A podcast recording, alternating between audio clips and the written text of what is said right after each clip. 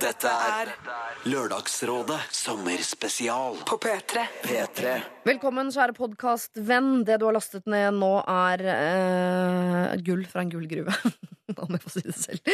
Eh, vi har altså bladd oss fram i arkivet til ting vi ikke tidligere har eh, lagt ut som podkast. Dette er altså på en måte litt sånn upublisert materiale. Det er litt som å finne en gammel CD hjemme hos Elvis under en sofapute man ikke har løftet på før, hvor vips, oi, der lå det en CD til med ting vi aldri har hørt. Eh, og det er jo selvfølgelig gøy for meg, og det kan potensielt være gøy for deg. Så kos deg med dette, da, som er eh, gammelt, altså. Gammelt, men godt. P3. Dette er Lørdagsrådet På P3. P3. Hei, Lørdagsrådet. Hei. Hei. Jeg trenger et råd om hva jeg skal gjøre med ekskjæresten min. I fjor dumpet han meg, og jeg var knust, for han var mannen i mitt liv, og jeg trodde aldri at jeg skulle klare å komme over ham. I dag, et år senere, er jeg endelig ovenpå igjen og syns at livet er fantastisk.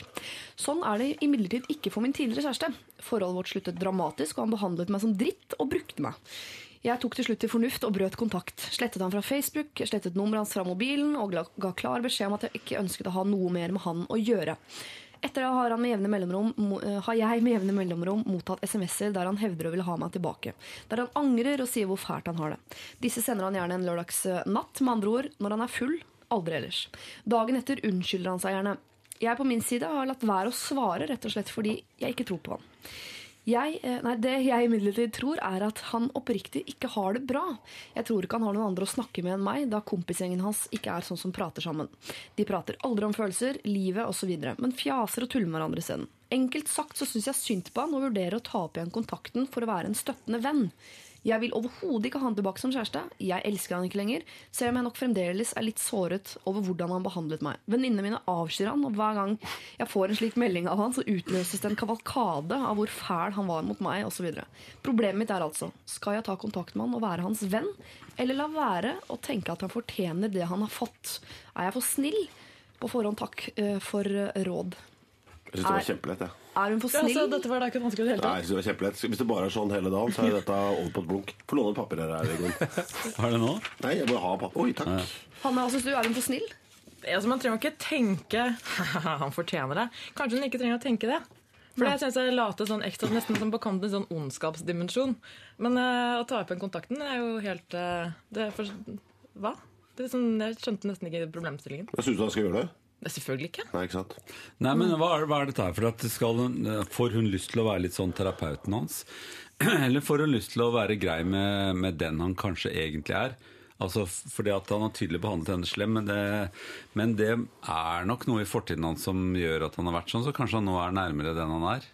Ja, det, altså, jeg har bare altså- lyst til å gjøre det litt vanskeligere, for jeg tror det er jo stort sett vanskeligere med mennesker enn man tenker. Det er jo ofte sånn at Gutter skal ikke oppføre seg veldig dårlig før de ifølge venninnegjengen har oppført seg som dritt og brukt deg. og Det er liksom ikke måte på, så hun kan jo ha vært litt eh, hjernevasket på den siden også. Kanskje han er en helt streit fyr. Men er ikke dette rett? Er ikke det bare da å- en vinn-vinn å si fra til noen av de slappe kompisene hans? Si fra til mange av de, si fra til tre av de, liksom? Kan ikke dere Jeg tror han har det litt dårlig nå. Så har du både gjort noe for å lette samvittigheten, og så har du, og så har du plaget ham litt mer. På en eller annen måte. For det er jo flaut, det. Ja, For det er kompisen sitt ansvar ikke sant? Ja, det er det. hvis han har det ille. Det er ikke en ekskjærestes ansvar. Ja, Det er ikke det. Nei, det er ikke det. Og hvis han er begynner ja. å klage mye på natta, så er han jo tjukk i huet. Ja, Da vil han jo ha noe annet enn trøst. Jeg skulle til å si Det var kanskje ikke den gode samtalen han akkurat sendte en tekstmelding for. Men Får dere inntrykk av at hun har litt lyst til å møte han igjen fordi det er noen følelser der? Jepp. Ja, men det, er, det bare sånn jenteting? At de har lyst til å klappe hunden en gang til, liksom? Øh, Men når den biter, så har de ikke lyst likevel. Eh, Jeg synes Mange damer er litt sånn at de, de har så lyst til å være så gode og snille mot folk som ikke er noe særlig snille. Det er derfor damer også blir forelsket i folk som sitter i fengsel. Det finner aldri menn på å bli forelsket i damer som sitter i fengsel. Nei. Så det er et eller annet sånn omsorgsgreie som eh, damer kanskje har i seg, og det er bra, men som ikke fungerer når man har gjort det slutt med noen. Fordi Hjelper hun han eh, ved å, å gi av seg selv igjen til den gutten hvis han nå sitter og er, eller har sånn kjærlighetssorg i andre enden? Er det kjærlighetssorg han har? Jeg tror han bare lengter etter noen som var så nær han, som han ikke finner igjen. Og de er jo der ute. Man må lære seg å snakke litt først. Lære seg å snakke. Ja, jeg tror han må det. Og det er en hard skole. Det er hvis du ikke har lært hjemmefra at hvordan man snakker når man ikke har det helt bra. Så, øh, og bare finner en som man var kjæreste med, som man da snakket med, og så øh, har de ikke øvelse i å snakke med alle andre. Men det er ikke noe vanskelig å forstå at hun eh, kanskje syns, kan synes litt synd på fyren. Hun har jo likt han. Men eh, jeg, jeg, er helt enig med Kristoffer at det er, her er kompisene som må bare steppe inn fra siden. Er, altså, jeg kjenner at det er ikke liksom jentegjengen fordi at de avskyr han som egentlig blir tungen på vektskålen. Det syns jeg ikke. Altså, Venninner de går liksom hardt inn for alt. Liksom bare, han er helt topp! Eller så er de sånn og helt fryktelig. Og, eh, og det blir veldig sånn eh, hva skal jeg si, gruppe et eller annet. Gruppepress. Ja, Men er det, dere som er jenter, er det noen sånne Er det noen jenteting ved å skulle være grei selv mot folk som er slemme med deg?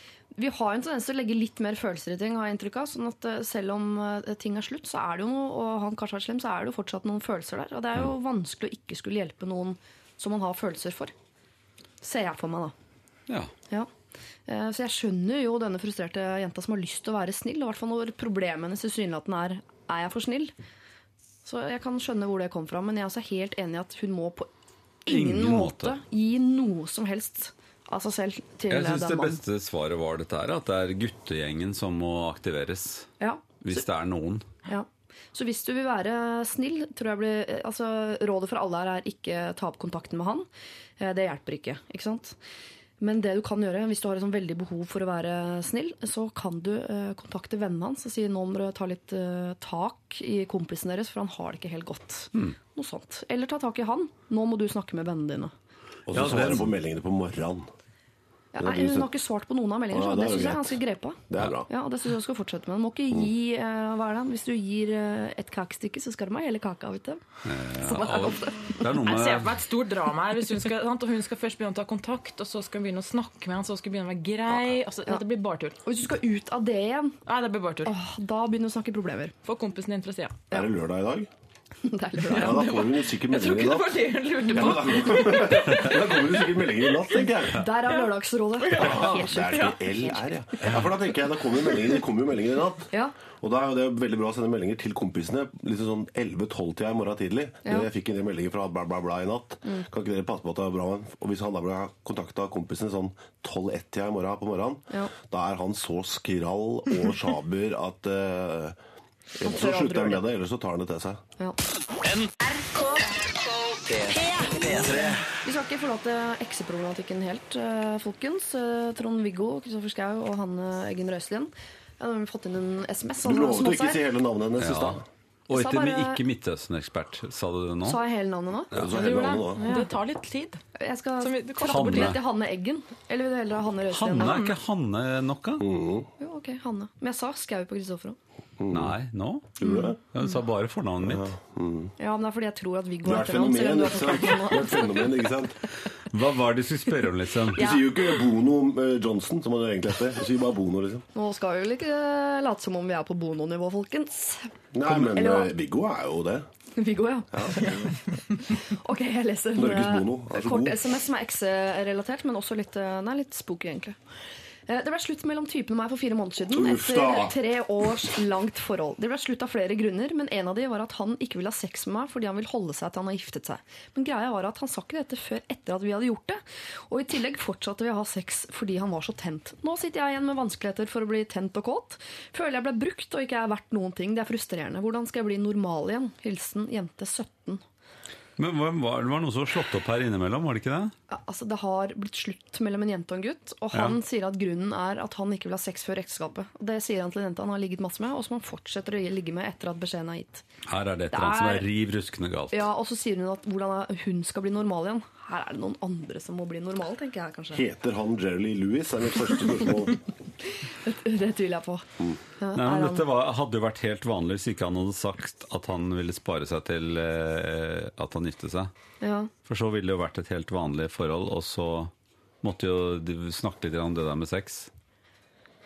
Ja, ja, men tenker dere at er det lov Er det lov å si dette som å slå opp grunn? Er det vrøvl, eller kan det hende at han egentlig ville spare seg et ekteskapet, men at hun er så fin at han klarer ikke la være? Eller? Men da, hvordan hun skal bli normal igjen, hva er det hun mener med det da? Hva er det hun skal ta tilbake? Hun øh, vil ikke føle seg brukt lenger. Men, men er man brukt hvis man har vært med på noe som heter sex? Og begge to har gått inn i det, og da er man ikke egentlig brukt, er man det? Nei, jeg syns ikke det, men eh, altså, Men jente 17 altså, hun hadde det. egentlig lyst til å være sammen med han herfra og ut. Det er Ja. kanskje det som ligger under her. Ja. Så altså, hun ville da heller vente. Han ville vente. Eller hva noen ville ventet på noe inntil Ja. evigheten kom. Tror du ikke brukten ligger i at hun, han har påført henne en sånn følelse av skam? Fordi han synes hun prøver å si at ja, du, jeg vil jo egentlig bare vente, det er du som er bla, bla, bla. Ja, at hun har følt seg at det er hun som, er, den som har drevet han til å ha Ja, sex før det, er, ekteskapet. det er jo sånn hans- argumenterer, liksom. Ja, at Jeg hun vil jo vente, men du er jo bra. Det høres jo sånn ut. Ja, men da må hun jo ta det som et kompliment, tenker jeg. Ja. Ja, hele greiene er vel egentlig et kompliment. men Jeg skjønner det er konklusjonen her som er litt feil. Ja, hennes konklusjon, ja. Ja, og at de gikk fra hverandre hvis han var så tent på henne, og, og hun da tydeligvis syntes at det var veldig gøy, og så plutselig syns de ikke det lenger. Er, er, de, er de medlem av en eller annen sekt som de ikke skulle ha vært medlem av? Er det det som er poenget? ja. Kanskje han er det. Er ikke det helt likt som forrige problemet? Han er en idiot, og hun tenker for mye. Er det ikke ofte sånn? Ja, det er en veldig gjenganger i de fleste spørsmål. Ja. Nå har ikke vi noen greie mot gutter, Kristoffer. Har ikke Når du vi- behov for det, eller? Nei.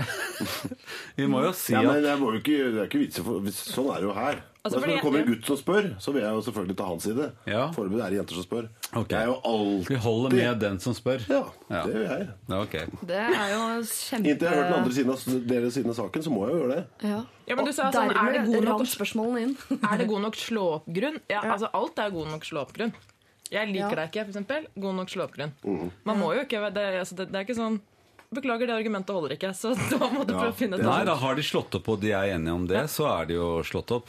Da Ja, må vi du, hvis de trenger skal være sammen igjen, så må du det heller, begynne. skjønner. Det er det som er litt sånn kjipt. Ja, selvfølgelig. Så ikke så hadde vært ve veldig mange færre Men har hun skilsmisser. eh, lyst til å være sammen eller ikke? Har hun lyst til å eh, make it undone? Har hun lyst til å ikke ha ligget med han? Det går jo ikke an. Nei, Jeg tipper hun har det sånn som man ofte har det, at hun vil ikke nødvendigvis være sammen med han, men hun vil at han skal ville være sammen med henne. Det er jo ofte Er det det? Den er klassiker. Ja.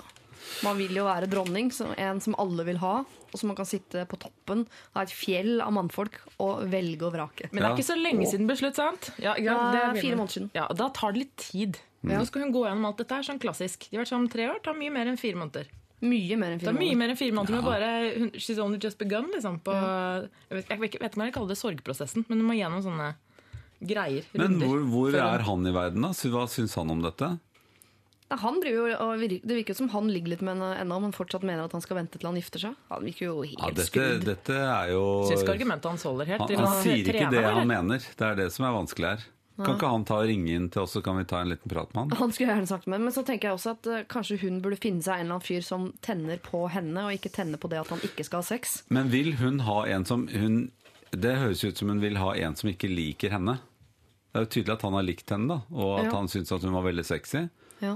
Eh, Så vil hun ha det, Mm. men ikke han. Ja. Hun, du må ta som et kompliment at du er så deilig at han eh, går imot sin egen religion.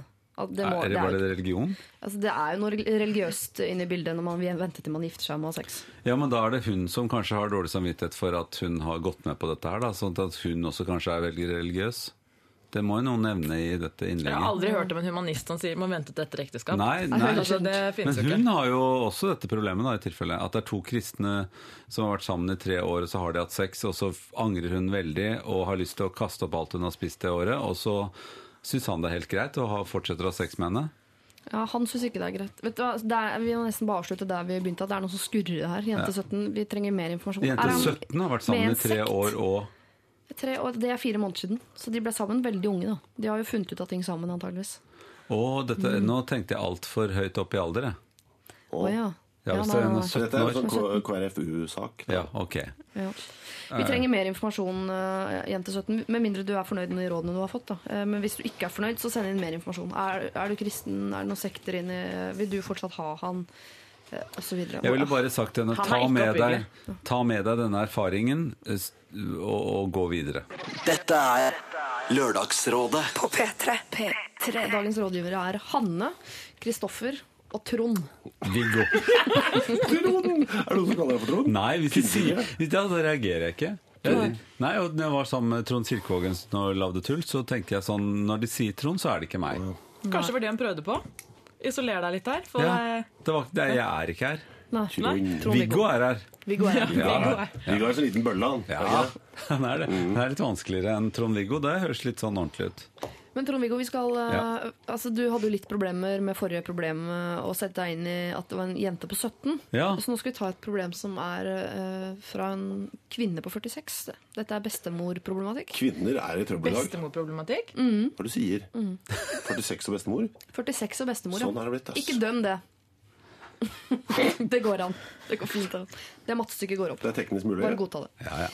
Ok, dere. Hei. Jeg har blitt bestemor for første gang til en nydelig liten gutt, til tross for min unge alder, 46. Sønnen min og jeg har et godt forhold, og hans kone og jeg kommer også godt overens. Begge har de jobber som krever litt, men dette var de klar over da de fikk barn, og barnet var planlagt. Selv er jeg også fortsatt i full jobb, men med mulighet til å avspasere en del og trå til som barnevakt når det trengs. Eh, moren eh, som familien Altså Moren til familien til kvinnen der eh, bor eh, på langt ute på Vestlandet og kan ikke hjelpe til på samme måten som det hun kan og samboeren hennes. Eh, vi bor bare noen meter oppi gata. Proble problemet er at svært ofte når jeg passer den lille gutten, så er det fordi mor skal et eller annet. Jeg elsker å tilbringe tid med barnebarnet mitt, men det føles litt rart at jeg skal trå til hver gang hun skal ut med venninner, på kino, trene osv. Min sønn jobber mye, og det plager meg ikke å trå til, men når det til stadighet dukker opp småting i forbindelse med at hun skal andre ting, så syns jeg det er litt skeivt. Er det smålig av meg? Jeg har jo egentlig ikke noe annet viktig jeg må gjøre, og jeg er jo først og fremst veldig glad i barnebarnet mitt. Ikke bare den delen som er min sønns, om du forstår. Og det er jo eh, vanskelig for henne som har familien sin langt unna. Men kan hun ikke legge trening, kino osv. til de kveldene hvor mannen er hjemme? Frustrert bestemor. Eller som de veldig mange treningsstudioer har, sånn eh, eh, babyrom. Babyrom på treningsstudio, Ja. ja. Der overlater man babyen sin til sånn uh, 18 Det var år veldig gamle rart, for svensker. jeg så et eh, program av serien Supernanny for en dag siden, som Mm. handlet veldig mye om uh, dette at besteforeldrene får alt i fanget fra en bortskjemt jente. Ja. Eh, en datter, altså. Nå skal det deles ut kaffe her, det er derfor det slurker så mye. Det er ingen som tisser på gulvet. Er fjerde liter så langt. Ja. Men altså, prøv å holde på den tråden et lite øyeblikk. Ja. Altså at besteforeldre får barnebarnet sitt i fanget, og så hadde de ikke helt regnet med det. Nå er det nok en funksjon av å bli besteforeldre at de vips får eh, noen søte barnebarn som blir en slags jobb for resten av livet, akkurat som barna alltid er blitt en jobb for resten av livet. Så det, er, det er det med at det kommer nye innbyggere, at noen må ta seg av dem. Og det er ikke alle dager som er like gøyale. Men denne, da, denne damen da, til sønnen hennes, hun velter kanskje litt vel mye over på bestemor. Ja. Eh, så sier bestemor jeg har ikke noe spesielt annet å gjøre. Det er også litt rart for en 46-åring. Eh, så konstellasjonen mellom disse tre menneskene eh, høres jo også ut som det er en del å prate om. Og så går det an å gjøre ting veldig praktisk. Bare sette seg ned og si du, dette er litt mye. Hver gang du skal trene, så ringer du meg. Og kan vi ikke sette opp en liste? Eller altså gjøre det til en praktisk ting. Ja. Eh, Sånn som man gjør i, i bondesamfunnet i hodet. altså at man må faktisk, Noen må melke kuene, og så må noen ut og grave på jordet. Men eh, man må fordele jobbingen litt. Grann. Det er lov å si nei. Ja, det er lov å si nei. Ja. Men måten man sier nei på, er litt viktig når dette er nye foreldre. Altså de er, jeg tror de som blir foreldre nå, eh, i større grad eh, tenker at man skal gjøre alt. Men det man i første rekke får, er jo et barn. Mm. Hva tenker du, Kristoffer? Jeg bare Jeg bryr meg ikke så veldig mye, øh, kjenner jeg. Eh, Når du har altså satt noe til verden i utgangspunktet, Ja. så må du tenke Har du, altså, har du sagt A, så får du si B. ass. Du må regne med at de tenker likt som deg og setter til verden noe mer, de òg. Da har du, du har starta, du har satt i gang snøballen, for får du bare deal with it. Var det bestemor du tenkte på nå? Ja, bestemor. Når du er så tjukk i utgangspunktet, så får du bare ta det der. Altså. Ja, du mener idet du får barn, så må du også ta med i Ja, at det har barnet tatt det kommer med til å få mindre og var det en ulykke, mm. øh, dette her, uh, så har hun seg sjøl å takke. Ingen sympati i det hele tatt. Jeg ler. Jeg sitter her og ler. Men det er Og forrige- er disse to kvinnene som da treffes i dette kaoset her, jeg synes det er helt topp. Du vet, Det er sånn, det er sånn når Rosenborg møter Brann. Vet du hva? Jeg bare håper det blir masse skader. Jeg. Bare Altså at det blir lettere for mitt lag, Vålerenga, øh, å vinne. Sånn er det her. De får bare holde på, ass. Smålig. Dette skulle liksom være det beste de skulle oppleve. Å, skal jeg bare? Det skulle være så flott. Og så nå er det plutselig et problem. Ja, ja. Hard luck, altså. For du tenkte sånn i utgangspunktet, for å bare takle det nå. Du har egentlig litt lyst på håndgemeng du, mellom eh, mor og Dette er så interessant for meg at eh, Ja. de får nå bare holde på. Jeg Nei, gleder meg. Dette er bare oppfør dere bra overfor ungen, så krever ikke noe mer. Ja, det er jo det aller viktigste. Men Chris, så er det, så er det sånn at du tenker at dette skulle de tenkt på før? Man skulle ha gjort den der lille Ja. øvelsen før Nei, man ikke øvelsen, men du valgte å beholde dette her. Nei, men den derre 17-åringen som da har forrige problem, Mm. eh, var sammen med denne mannen i tre år. Hun kunne jo veldig fort ha blitt gravid og fått et barn. Mm. Altså Sånne ting. Skulle også hennes mm, mor ha tenkt på det? At hun eh, Ja. Å ja, ok. Mm, ser du, dette er sånn der bestefaderlig er sånn, fordi han må, han må nå forsvare sin egen eksistens og sine egne valg. Så kan han da le litt sånn prompete rundt i lokalet. her. Men du, vet du, du har jo heller også virkelig ikke skaffet deg noen barn foreløpig, så du har bare Jeg er jo trygg. Ja, foreløpig er du veldig Jeg er jo trygg. trygg forever. Eh, Hanne, hva tenker du om eh, denne bestemoren? Skal hun bare si nei, eller kan hun eh, finne på noe annet? Nei, altså, jeg, jeg, jeg, jeg er i og for seg litt enig med Kristoffer, men jeg syns likevel at det må være lov Jeg syns ordet nei er lov til å bruke, og jeg syns kanskje at eh, det ikke um, Jeg syns kanskje at hvis man eh, får barn, så må man, blir det kanskje litt eh, færre f.eks. venninnekvelder. Mm. Jeg syns bestemødre dette, Dessverre så har jeg hørt det fra i og for seg altså venner eh, ikke av meg, men av mine foreldre. eh, som syns at de får litt i overkant mye uh, De blir sånn gratis hushjelp. Jeg syns besteforeldre også har lov til å si nei. Jeg syns mange flere av min generasjon som har barn, også må skjønne at når de får barn, så må de kanskje gjøre litt mindre av ting utenfor huset. Men, Men, eh, besteforeldre er noe annet nå enn det var før. For Ja. Før var besteforeldre eh, hun som bakte kanelboller og passet ungene. Det er på en måte det, mens besteforeldre nå, Nå er det fester det fester og reiser og trener. Og, altså, de er jo de er jo akkurat som oss. Det er er jo kjempefrustrerende. Siri, det er jo, det er, det er, denne bestemoren er jo også en sånn slags enslig mor, er hun ikke det da? Hun har blitt en enslig Hun har en uh, samboer, står det her. Oh, ja, hun har en samboer. Mm. Ja, så det er jo litt sånn der brutt ekteskap inni her, og mange som ikke føler de har noe med disse barna å gjøre, plutselig. Mm. Eh, og de som burde føle at de har noe med disse barna å gjøre, det er jo de to foreldrene til dette barnet. Ja. Så hun bør i første rekke fortelle dem at hvis de skal ha noen tjenester fra denne bestemoren, Mm. så må de spørre. Ja. Og så må man si, kunne si både ja og nei. Ja. Altså Det er jo en veldig viktig ting å lære sine barn. da. Ja. Eh, å spørre og takke og si ja og nei fra begge sider. Så de må rett og slett oppføre seg litt mer streit. Ja. Du må altså tørre å bli streng bestemor og bruke ordet nei mye mer, blir eh, rådet fra oss eh, Det må dag. være lov til å ville ha lyst til å sitte en kveld og se i veggen uten og da vært tilgjengelig for alt annet. Det er en god nok unnskyldning, det, faktisk. Jeg Nei, I dag skal jeg se på uh, So You Think You Can Dance. Det passer litt dårlig med sånn liten skrikerunge rundt i, i, gangen her nå. Nå lukter det veldig pizza og kaffe. Jeg ja. nå jeg, jeg jeg tar, Kristoffer har meldt sånne seg ut. kjedelige spørsmål om dette, så tar jeg meg en matpause. Så jeg spiser Når du er så pizza. slem, uh, Da spiller vi musikk! Da spiller vi musikk! Slem! så skrur jeg av mikrofonen din, og så sier jeg til alle at Kristoffer har to kaniner som han koser med helt i hverdag. Dette er P3. I Lørdagsrådet i dag møter de Folkets Trond-Viggo Torgersen, Midtøsten-ekspert Hanne Eggen Røiselien og Evigunge. Kristoffer Skau.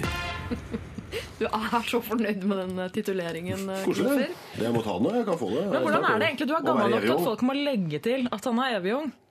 For det Ja, sier seg ja. ikke sjøl. Ja, ikke sant? Det er altså en motsetning der. Liksom. Det er ikke et udelt kompliment. er, ja, jeg er ikke 16, liksom. Han har bilka, rett og slett. det ser sånn ut. Vi har fått inn veldig mange meldinger siden vi snakket om dette her med kan man høre på P3 når man er så og så gammel. Hva slags musikk kan man høre på sånn? Og fått, altså, eh, her sitter folk og koser seg. Altså, et par på 55 og 48 som hører på P3 hele tiden. Og elsker både Timbuktu og Erik og Chris. Så, så her er det håp. Og Tone, snart 50, Muse-fan. Muse, hva er det for noe? Og 45 Hvor gammel er du? Muse. Muse. Du Nei, men jeg kan veldig lite navn på folk som sånn spiller musikk. Ja. Jeg kan dessverre ikke synge en Muse-sang for Trond-Viggo. Torgersen, også ikke evig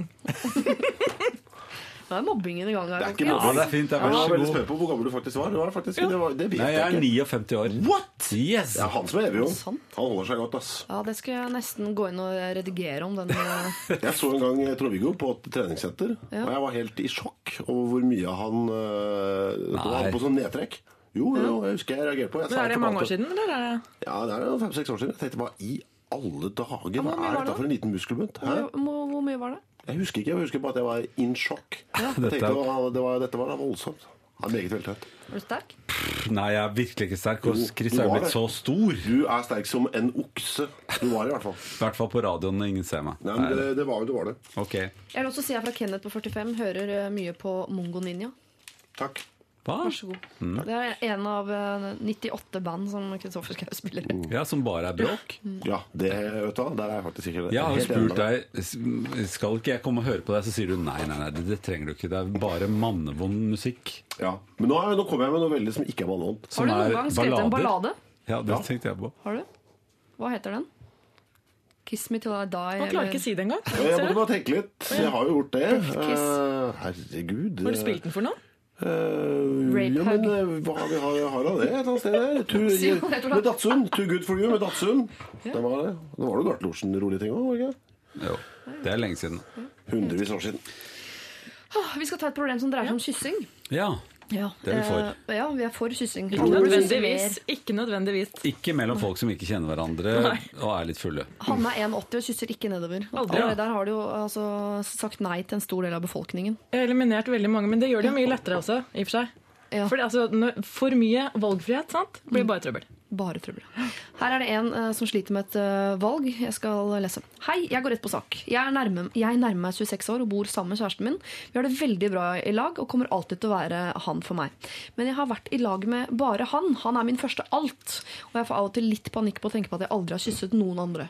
Og så merker jeg at jeg blir litt nysgjerrig på dette. Vi har snakket om det, og han skjønner hvor jeg kommer fra. Han har selv hatt flere kjærester. Og vi ble også sammen når jeg var 18. Noe i meg har utrolig lyst til å kysse en annen gutt, og en del av meg sier nei. Alt surrer rundt i hodet mitt. For hvis jeg kysser en annen, bør jeg da si det til kjæresten min? Eller skal jeg la være å bare gjøre det? Det er definisjonen av kyss vi er ute etter først og fremst, er det ikke Det det? er leppe møter leppe. Å ja, det er ikke tunge møter tunge her. Nei, det er klining. Ok, så hun, hvis hun, hun mener kysse. Eller Nei, mener hun klining? Ja, hun har nok lyst til å kline litt. Altså. Ja. Jeg forsto ikke at det var et nussespørsmål. Sånn, Så, så kan jeg kose med katten min. Nei, det var ikke sånn kosenussing. Nei, det var klining. Ja. Jeg har lyst til å kline med en annen, men jeg får ikke helt tak i om det er en spesifikk annen. For det syns jeg blir et annet problem. Eller om det bare er et generelt Jeg vil bare prøve å kysse en annen. ja, det må jo være noen hun har lyst til å kysse, da. Eller kline med.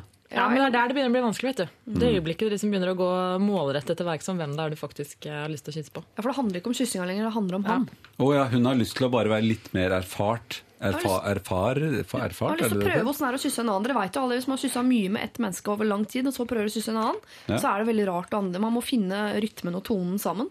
Noen ganger går det, andre ganger ikke. Det er riktig. Og da, hvis, det, hvis man går inn i en kontrakt og sier du, jeg har, jeg har lyst til å kysse en annen, er det greit om du og jeg gjør det? Og så, så blir det jo et eksperiment, og da blir det kanskje ikke så gøy lenger. Nei, men jeg, jeg veit ikke, jeg vet ikke om det i det hele tatt er lov å kysse andre. Er det Nei, det er det, for unnskyldning jeg skjønner at hun vil, men jeg er ikke, så den kjæresten på andre siden der Ja. Burde gå ut og kysse litt, du, jenta mi. Å, Jeg kan ikke helt se for meg at han syns at det er Nei, men, Kjempegod idé. Syns hun at han, at, at han skal være litt sjalu og sånn? Det er ikke det, det er ikke sånne følelser. Det er bare at hun har lyst til å prøve det. Ja. Mm, bare se åssen det er å kysse andre. Hun aner jo ikke om sin kjæreste er god til å kysse eller ikke. ikke? Hun har null erfaring på området. Men det kan jo være nådestøtet, da. Hvis du bare går ut der og bare Hei, her var det jo mye morsommere. Ja. Vil hun ikke bli skuffet, tror du ikke? Det vil være så mye nerver og bla, bla, bla. bla. Jeg vet ikke. Du, vi får vi håpe på, kanskje. Ja. Ja. Jeg må ikke hun egen, altså det er jo et, må ikke hun egentlig, Hvis hun har funnet uh, the man, må ikke hun egentlig bare være fornøyd med Jo, hun må det. Kjipt, men. Så flaks. Eller- du traff den med en gang. Tenk så mye dritt du slapp. Du, nå ble du veldig konservativ og flott her. Som jeg sa, valgomaten sier til meg KrF, og Senterpartiet sier min valgomat.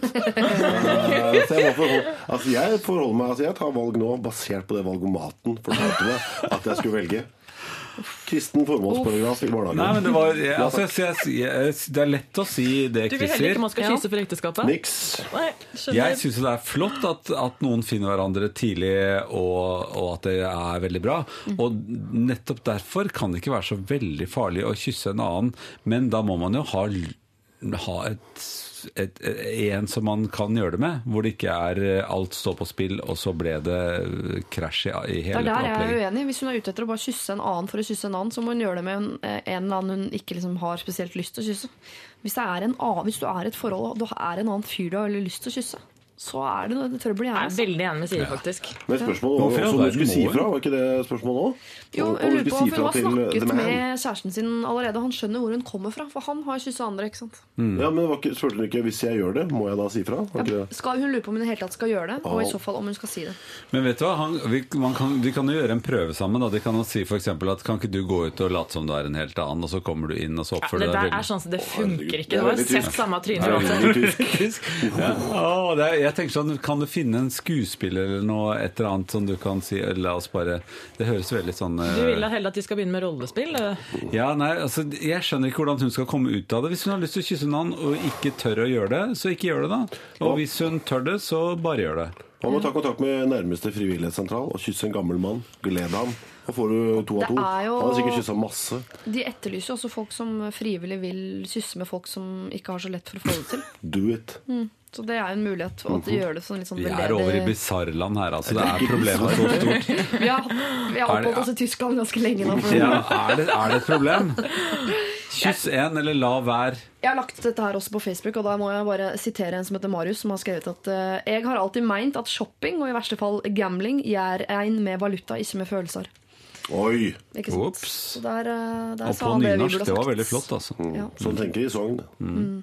Sogninger. De får liksom sagt det. Jeg vet ikke om han er fra Sogn. Men hva, hva blir rådet? Skal hun kysse noen andre? Nei. Nei. Nei. Bare være fornøyd med at hun fant mannen i sitt liv så fort. Altså, det, er, eh, det der er Det sklir, hva heter det nå? Når det er rutsjebane? Nei, heter det ikke det? Nei, du sklir liksom utfor skli også. utfor Ja. ja. Ja, hvis du har en Uten sykkel du liker, så må du prøve en annen sykkel. Det er jo, sykling er sykling. Så stas med alle de der eh, Har du vært heldig og Er det fått altså. det bra, så er det jo ikke noe vits å gjøre det vanskelig. Nei.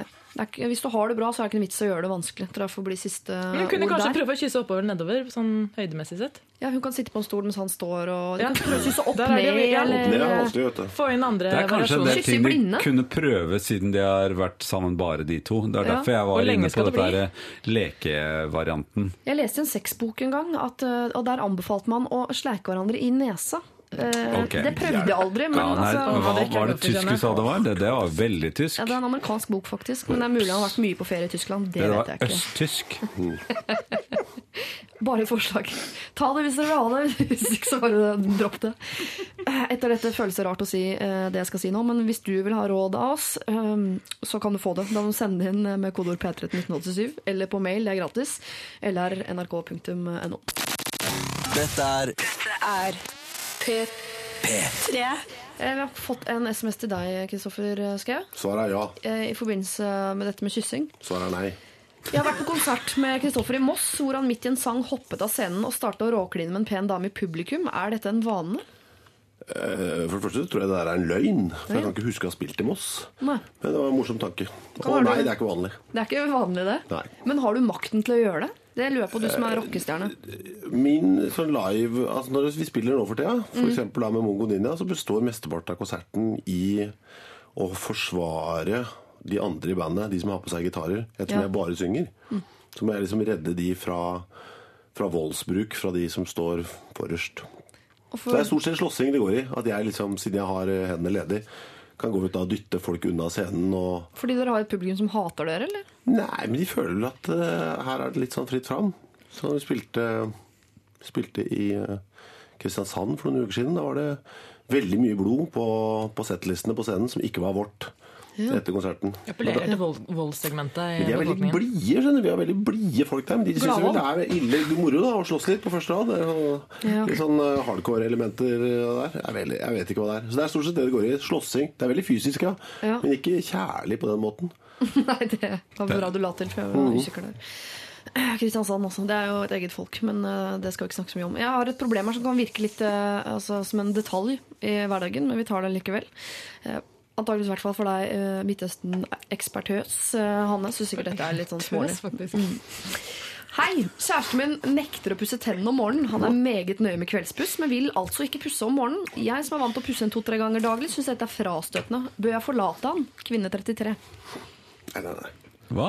Altså, det her er jeg Dette kan jeg. Ja. Er det noen som vil ta den? Ja, du tar den. Du Ja, kan jeg få lov? kan det, så ja, må for du- dette her er jo lett. Jeg er jo helt Jeg er jo ganske lik sjøl. Jeg er på kveldspussen, ikke på morgenpussen. Har du skitne tenner nå, Kristoffer? Uh, nei, men jeg har nå kommet inn i et regime. Det pusses tenner på kvelden, selvfølgelig. Ja. Men uh, Listerin på morgenen før jeg går ut, vet du. Ja.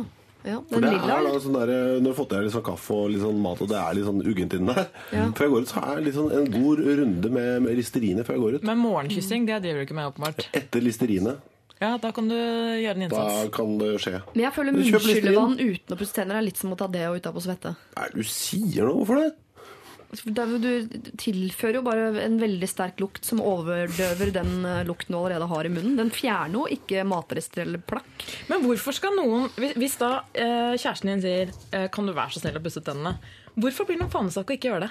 Det syns jeg er veldig rart. Nei, jeg insisterer på å ha ekkel munn resten av dagen. Ja. Det er bare, det Nei, er viktig. Det er det er- er- du, må elske, du må elske meg likevel. Ja, Ja, du er nødt, da. ja, ja. Sånn, ja. Hva, hva, Men altså- er det fordi at han har spist frokost, og det smakte så godt, den smaken i munnen, at han ikke vil pusse den vekk, eller er det Jeg kan ikke komme på andre grunner til å la være å pusse tennene enn latskap. På morgenen, eller hele døgnet? Generelt. Nå er det, nå er det, han pusser tenna. Ja, Ja, én gang. Ja, Hvor mange ganger syns du man skal pusse tenna om dagen? da? To, to til tre syns jeg høres litt vel rigid ut. Altså det, altså, Jeg ser du, du er ikke engang sikker sjøl. To Jo. til tre en, Nei, det er, hun sier to til tre, kvinner til tre. Pusser to til tre ganger om dagen. Det syns jeg er mye. Ja, Jeg blir alltid for- litt for skeptisk Jeg får folk som pusser tennene for mye, og som dusjer to, tre, to ganger om dagen. Da blir jeg skeptisk. Det er for mye for emaljen. Jeg bodde i kollektiv med en fyr som pusset tennene eh, klokken åtte om kvelden, syv om morgenen og klokken 13.30. Ti minutter hver gang. Eh, det ble nesten, det ble, tenkte jeg, det ble, det ble litt vanskelig. Det Og det ble faktisk litt vanskelig. to centimeter lange. Og, Nei, De blir tynnere og tynnere. ikke Ja, sant? sånn Du som puster og iskorn. puster. Ja, så det tenkte jeg, det, Vi trenger ikke å overdrive. Nei. Trenger ikke å bli, se ut som Gollum. For det ble et sånn, nesten et sånn kollektivproblem. Gollum, ja. Men det er veldig søtt at vi sitter på eh, riksdekkende radio og Ja. snakker om tannpuss, for det var ikke vanlig vanlig ja. før at man gjorde. Men du man, flod... Du, ja. Nei, nei, det var ikke- jo det var ikke noe melking i det hele tatt. Glemte jeg vi deg på det der? Nei, nei, nei. For det, det, det, for det, Pusset- hvor det er mange ganger pusset Frode? Utrolig privat å snakke om eh, sånn tannpuss og sånn. Folk må jo pusse tennene sånn når de har lyst, tenker jeg. Ja, for hva får man da? en sus. Det er det man gjør man! Men Betyr Hvor mange ganger pusser Flode? Eh, det vet jeg ikke, for jeg er ikke så veldig mye sammen. Men To. eh, Har dere slått opp? Har dere skåret Du, Ja, han sitter en etasje under oss. Ja, han sitter i, i barne-TV-avdelingen. Der har jeg sluttet for lenge siden. Men Ja. eh, det der å pusse tenner er jo et eller annet som folk gjør. Ja. Men de gjør det mer eller mindre på sin måte, og det må jo være lov. Jeg, Vi pusser tennene om morgenen, min kone og jeg. Eller, altså, det høres ut som vi På gjør det på hverandre? Ja, på hverandre. Men vi, vi, vi, hun spiser, spiser før hun pusser. Ja. Jeg spiser etter at jeg Og det, pusser. og det, er jo helt, det, det hadde vært helt galskap for meg. Er det det? Å spise Etter puss, ja. Men er det slå-opp-grunn? Går man fra en mann fordi han ikke pusser tennene ofte nok? Overhodet Det vet jeg ingenting om. Gjør dere det? Nei, det blir for Seinfeld for meg. altså. Men hun er tydelig en som da det er veldig viktig for. Ja. Altså Hun er jo, det må jeg si til henne, kanskje litt vel opptatt av tannpuss. Ja. Uh, og uh, noen er jo det veldig, veldig opptatt av én ting, f.eks. å puffe opp putene i sofaen, eller noe sånt noe, Ja. som de bare må gjøre. 'Å nei, ikke sitt på den, den er jo puffet opp'. Altså, så blir det, Man må minne seg på at det er ikke sikkert det er så viktig. Nei, og vi kan ikke ligge sammen, vi har akkurat dusja. De, altså Sånne type argumenter. Men man sliter man med litt flere med. ting enn bare tannpussen. Det hvis siste her syns jeg var et mye større problem. Vi kan ikke ligge sammen fordi jeg har dusja. Det, det... det blir litt det samme. Jeg orker ikke en mann og kline med ikke. Altså, jeg syns det blir Altså, smålig. Har han dårlig ånde? Fikk vi noe klarhet i det? Hvis det lukter møkk av munnen hans, så er det jo kanskje greit om han pusser tenna. Ja, det er enig men jeg syns ikke det er en å forlate Og så er jeg helt enig med han også. Hvis hun sier 'kan du være så snill å pusse tennene mm. eh, to ganger istedenfor én, det vil ha stor betydning for vårt forhold, så kan han vel bare gjøre det? Eller, Ja. Det er jeg vidt enig eller er man så trassig?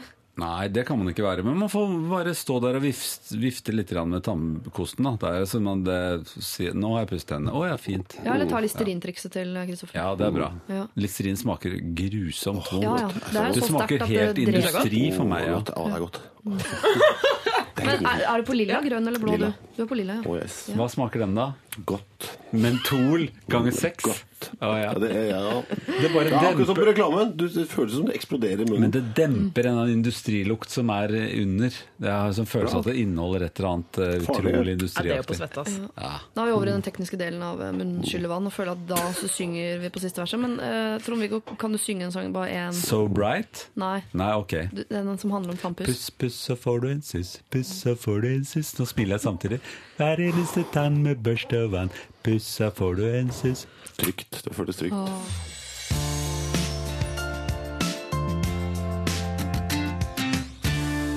Eh, folkens, vi skal inn i en, eh, et litt betent problem. Ok, Det er helsestudiorelatert, eh, men det er også et element av rasisme inne i bildet. Ok. Da var det mange som sperret opp øynene. Ja, ja, ja. Jeg skal lese. Til Lørdagsrådet. Kall meg Frank.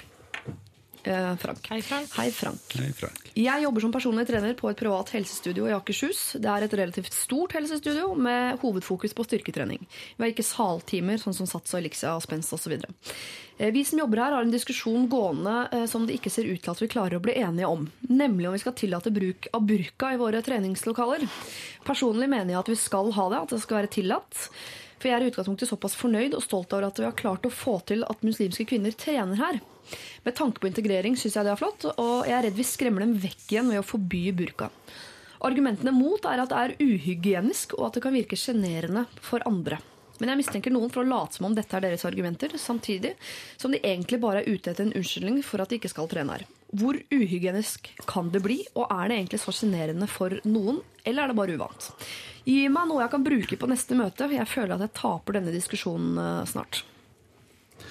Er han eh, holdt på å si, hvit norsk nordmann, er det det som er problemet? Eller eh, er han også muslim i utgangspunktet? Eh, han ber oss kalle han Frank. Ja, det er det eneste jeg har å gå ut ifra. norsk, norsk ut, kanskje. Um, eh, det burkagreiene syns ikke jeg er noe problem. Nei? Bortsett fra hvis man da lukter så jævlig svette som noen i burka gjør. I, særlig i land hvor det er mulig å svette veldig mye. Ja. Eh, og det, noen er jo ganske urenslig i Altså lukter veldig mye uansett. Ja. Eh, Så hvis du trener i klær som du ikke har vasket eh, veldig lenge, så blir man jo kjempesvett. Og det er ikke noe veldig gøy å være på treningsstudio, som man er av og til, som jeg er også, og være sammen med folk som er veldig svett, uansett om det er de i en burka eller ikke. Men er ikke det noe av greia på helsestudio, at man skal være svett og lukte litt? Jo, men det kommer an på hvor vondt du skal lukte. For er en- hvis du har klær som du ikke vasker, så lukter det jo mye verre enn eh, om du har ikke vasket. Men vasker bare han er ikke sånn- burkaen sin? Han gjør vel det, som alle Jeg andre syns det bare er en praktisk ting.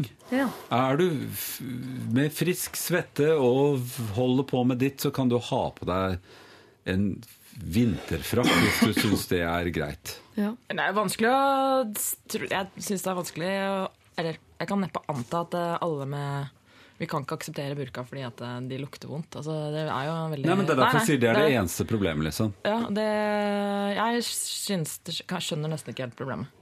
Hva, hvem er det det er sjenerende for? Altså, det er ingen som går og glor på hverandre likevel. Og svette mennesker er jo egentlig Så vil jeg nesten synes at flere burde ha på seg burka i treningsstudio. Det er ganske mye ulekre greier å se på. Ja. Ja, for jeg trodde nemlig det eneste studioet jeg har vært på, så er det sånn eh, ofte at det ikke er lov med singlet, for eksempel, for man skal ikke Mm. få, vise for mye hud, for at det skal bli sjenerende øh, for de som øh, kanskje aller mest burde trene, og se sånn veldig fitte og beefy folk som går rundt i singlet og viser kropp. Jeg trodde det var, og det får jeg også meldinger om på Facebook, jeg trodde det var liksom mer sånne restriksjoner på hvor lite man kan ha på seg, enn hvor mye. Ja. Uh, igjen så sier ikke Chris så veldig mye Nei, men Er ikke dette business? Så skal ikke han tjene mest mulig penger på dette helsestudioet sitt? Jo flere folk inn, jo mer penger. Er ikke, driver ikke han en butikk da? Jo, Hvis han får mange burka, så kanskje noen ikke er eh, faste kunder lenger. Det er det som er så absurd. Jeg vet ikke hvordan det er der i Akershus for han her, men eh, De du er veldig rasistiske i Akershus. Men hva er det egentlig? Altså, burka er jo i Norge blitt en sånn samlebetegnelse for alt som er av baggy klær som de tror man bruker i Midtøsten. Hæ? Nå kan Midtøsten eh, komme Yes. inn her. Yes. Men, så, Ikke men mener han burka? Er det, er det burka han mener, eller mener han chador? Eller Oi, mener han liksom et annet hodeplagg? Ja, men altså, jeg antar at det For det kan jo ikke være shadora, for da må det jo stå og holde.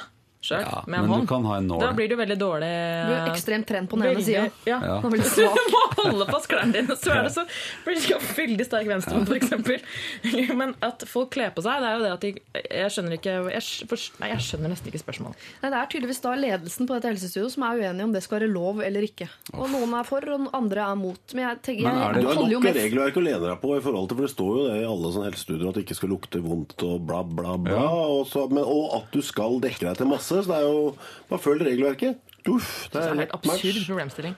ja.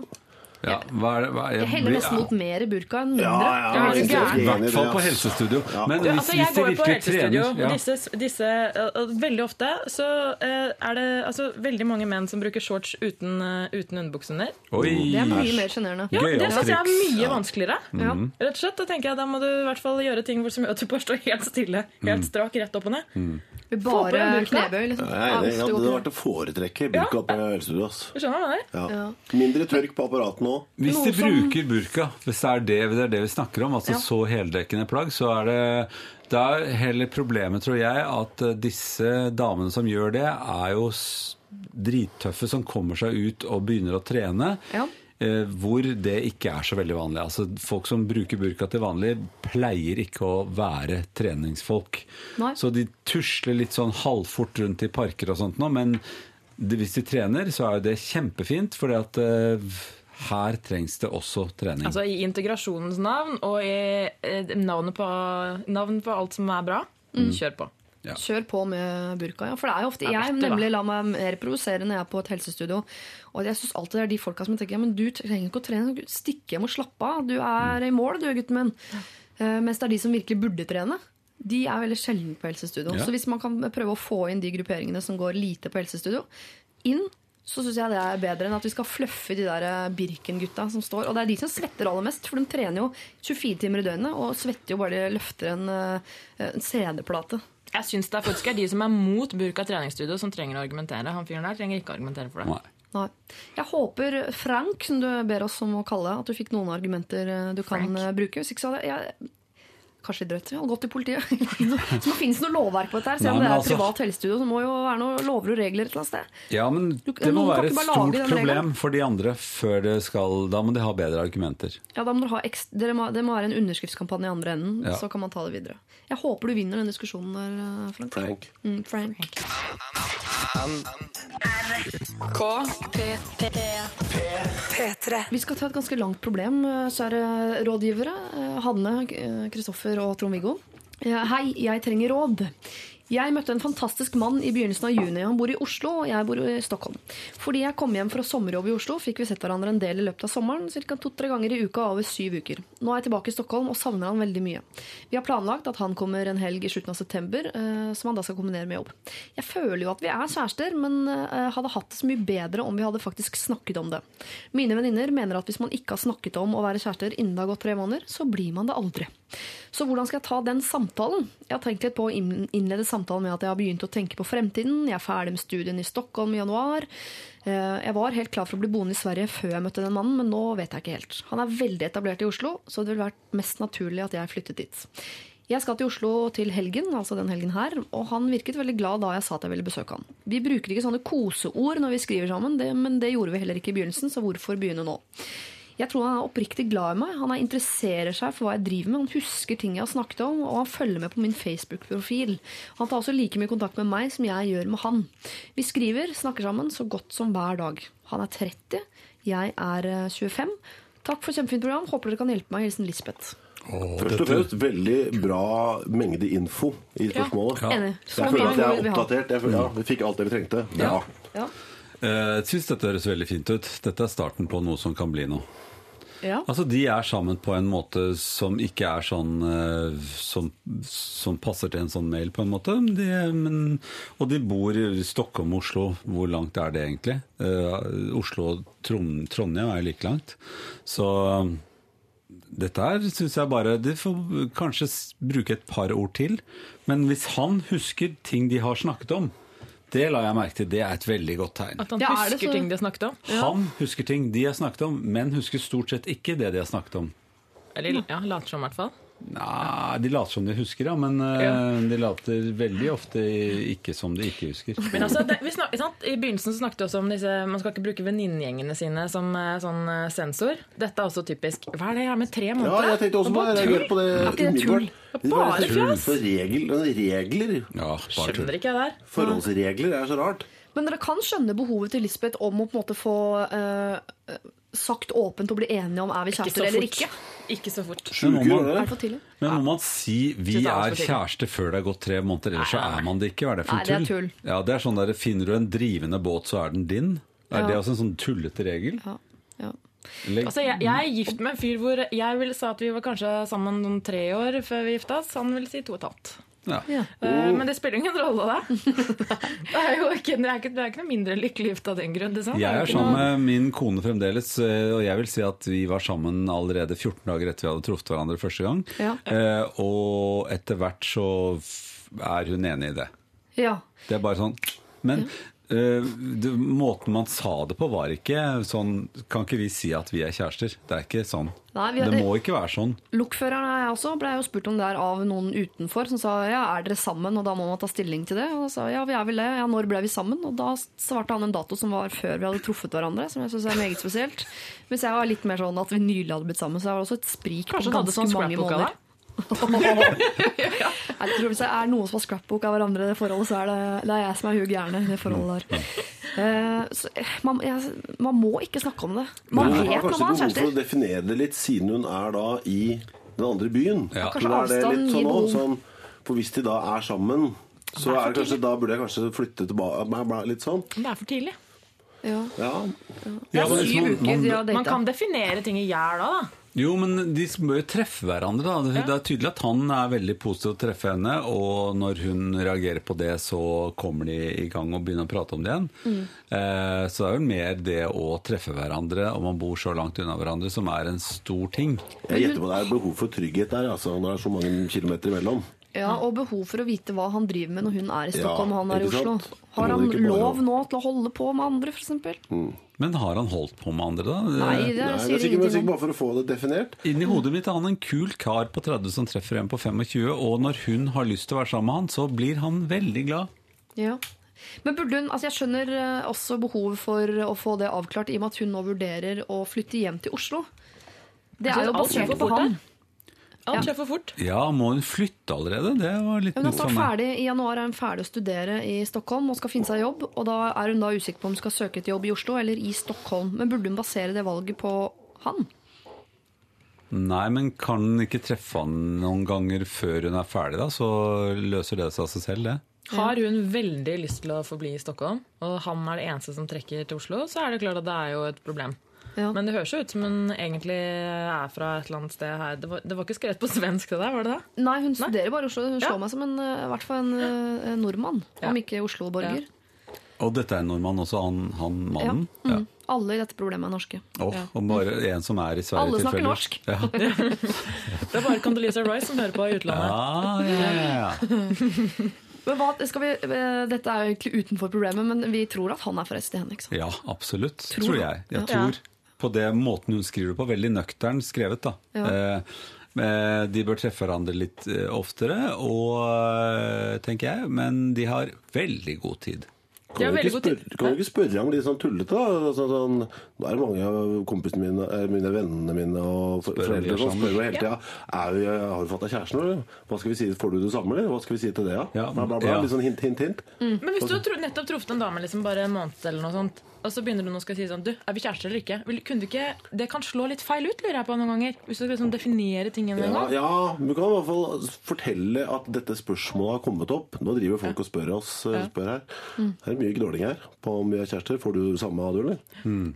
Ja, det er Og lov så å ser vi man, ser man hvor det, hva som skjer der. Men du skal ikke gjøre dette her for venninnene sine heller. Altså det er, Nei, nei, Så hvis det er noen som spør, så får de bare vente med å spørre. Er tre venninner alltid fiender, lurer jeg på. Er det et øh, Hæ? De fremstår som fiender alltid her. på Ja, det er i hvert fall ofte at venninner tror de jobber med, men så jobber de mot. Mm. Men jeg tror ikke det er uh, altså, søken etter å være ond. Altså. Jeg tror okay. det bare er noen som Nysgjerrig de luxe. Men den er tremånedersregelen Det var noe tøys. Tøys. Ja, det er tøys, ass. Altså, regler er ofte tøys. Men vil venninner alltid at uh, alle de andre venninnene skal være single? Ja. Oh. De vil det, ikke sant? Nei, jeg De vil helst, ja. De to Alle siste vil venninner at de to bo sammen på, som pensjonister i et kjempekollektiv. Ja, det høres jo sånn ut. Ja, Mye. barn, Død, barnløse og bitre. Alle sammen. Det er de rådene du får, uh, Lisbeth. Han er forresten. Eh, dra hjem, kos deg, og ikke definer noen ting. Ikke hør på venninnene dine, hør på deg sjøl. Det blir bra. Ja. Dette er Lørdagsrådet På P3. P3 Hei, Lørdagsrådet. Endelig skal en av mine beste venninner gifte seg. Hun er verdens kuleste dame, men som dessverre har brukt litt lang tid på å slå seg til ro og finne den rette. Men nå har hun jo det. Bryllupet blir utrolig kult, tror jeg. Ikke noe tradisjonelt og kjedelig. Jeg nevner elementer som motorsykkel, helikopter og bading. Hun er ekstremt aktiv og tøff dame med masse humor, selvironi og mot. Så til problemet. Da valget av forlover skulle tas, feiget hun ut litt og valgte en jente som hun har vokst opp sammen med. De er veldig sjelden sammen, er ekstremt forskjellige, men har en lang felles historie. Familie og venner osv. Vi i venninnegjengen hennes syns at dette var helt ok, og jeg tror det hadde vært verre for henne og oss hvis hun hadde valgt en av oss i gjengen. Nå er det snart utdrikningslag, og vi har vært i møte for å planlegge sammen med forloveren. Hun har imidlertid lagt opp løpet, noe som jo er fint nok, men, og her er det store mennet, hun har laget et lag som passer henne selv, men som overhodet ikke er noe for bruden. Hun vil på spa, lakke negler, spise på fin restaurant osv. Bruden er mer fallskjerm, shots og karaoke. Vi har snakket om å kuppe dette laget, eller i det minste snike inn en del elementer underveis. Kan vi det? Vi vil jo at venninnen vår skal ha en kul dag, men vil jo ikke skape dårlig stemning eller gjøre barndomsvenninnen lei seg. Hun føler seg visstnok litt utenfor allerede, og det blir jo ikke noe bedre av at vi overkjører. Så hva gjør vi? Vibeke, på vegne av gjengen. Og den var vrien, altså. Ja, du kom, nå fikk jeg, fikk jeg ikke helt med meg om hun har liksom prøvd å gått i dialog. De har jo hatt et møte, men det virker som her når de kom i dette møtet for å planlegge, eh, planlegge så kom forlover altså da og hadde lagt opp hele dagen.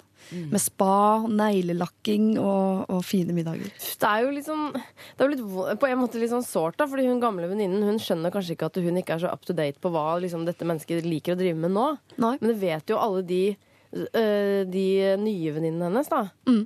Eh, det er jo liksom, Man har ikke lyst til å være slem mot hunden, for det, er jo, det høres jo dødsdeilig ut å være på spa en hel dag. Det er jo ikke sånn at hun har liksom lagt opp en helt sånn grusom dag, men hun har antakeligvis lagt opp til noe hun selv har lyst til å gjøre. Så kommer det litt an på hva slags menneske det er også som skal drikkes ut. da, ikke sant? Ja. Det er jo noen som sender venninna si ned Karl Johan med litt sånn sånn hei, jeg er hore på ryggen og skal tigge penger og dra på latter med kroner på hodet og uh, uh, ikke sant? Altså, det, det er, det er jo, du har jo de også som på en måte fornedrer, og det- er jo en endimensjon utviklingslag som er helt jævlig. Du, du hater å møte på dem, og du hater å være en del av det. Og så har du de da, som du snakket om, så er den snille nå. Liksom. Og jeg tror hun kanskje liksom har tenkt sånn Hun har vært på nettet og planlagt dette her i ukevis, den perfekte dagen, ikke sant? Så det er kjempesårt. Ja, men er det Det er jo ikke forlover uh, som skal ha den store dagen, og det er ikke henne man skal gå på tå rundt. Altså, det, er jo, det dreier seg ikke om forlover. Fins ikke etikettebøker for sånne ting? Hvem det er som gjør hva? Er det ikke? Men du, den sier jo at hun, har, hun føles liksom allerede litt sånn utafor og har ikke helt eh, liksom draget på hva eh, selve, selveste bruden skal eh, like. Det kan jo være at liksom egentlig alle planene hun har lagt, kommer litt fra et sted hvor man har litt sånn dårlig sjøltillit på Ja. at du ikke kjenner, kjenner bruda så godt lenger, men du har lyst til å gjøre en skikkelig Ja, du helgarderer deg litt, liksom. Spa, jenter, det liker hun. Ja.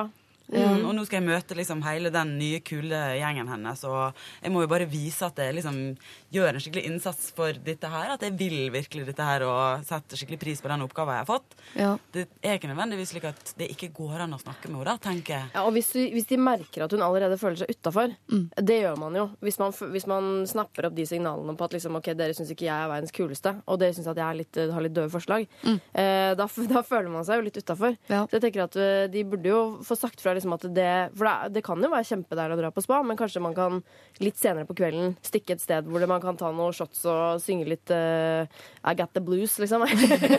Snike inn en liten paintball-sekvens inni oss. Hvis, hvis man skal være litt sånn løsningsorientert på dette her, da, fordi det er jo eh, det er ikke noe tvil om at forlover antageligvis bare prøver å være grei. Eh, Men så sitter jo noen på noe annenhåndsinformasjon her som vet at dette blir en kjedelig dag for bruden. Hyggelig, ja, men det blir kjedelig. Er det lov å snike inn sånn uh, bellyshots-konkurranse, eller altså noe litt mer sånn i tråd med bryllupet, da, som Ja, består av, som det står her, annet eh, helikopter og motorsykkel. Det kan jo være rom for en, en mannlig stripper eh, 20 minutter.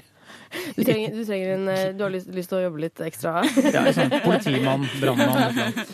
Ja. Bare et forslag, altså. Men må man si fra da til forlover, eller kan det være sånn like surprise for henne som for bruden at det kommer en inn til You can leave your hat on? Jeg er for den siste der.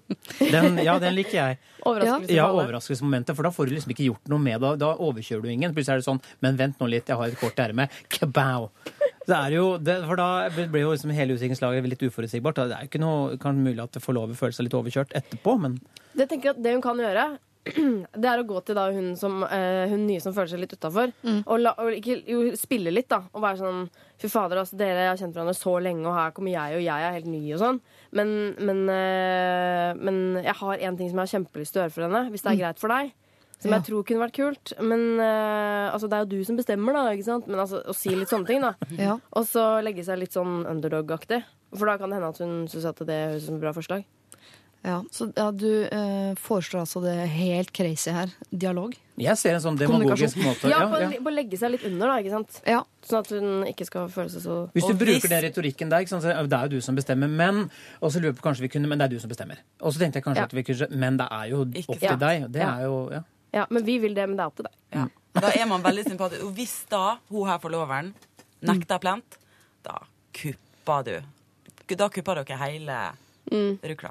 Ja, dere mener det er lov å kuppe Jeg hadde aldri kuppa det, sånn, hvis det var meg som person, liksom.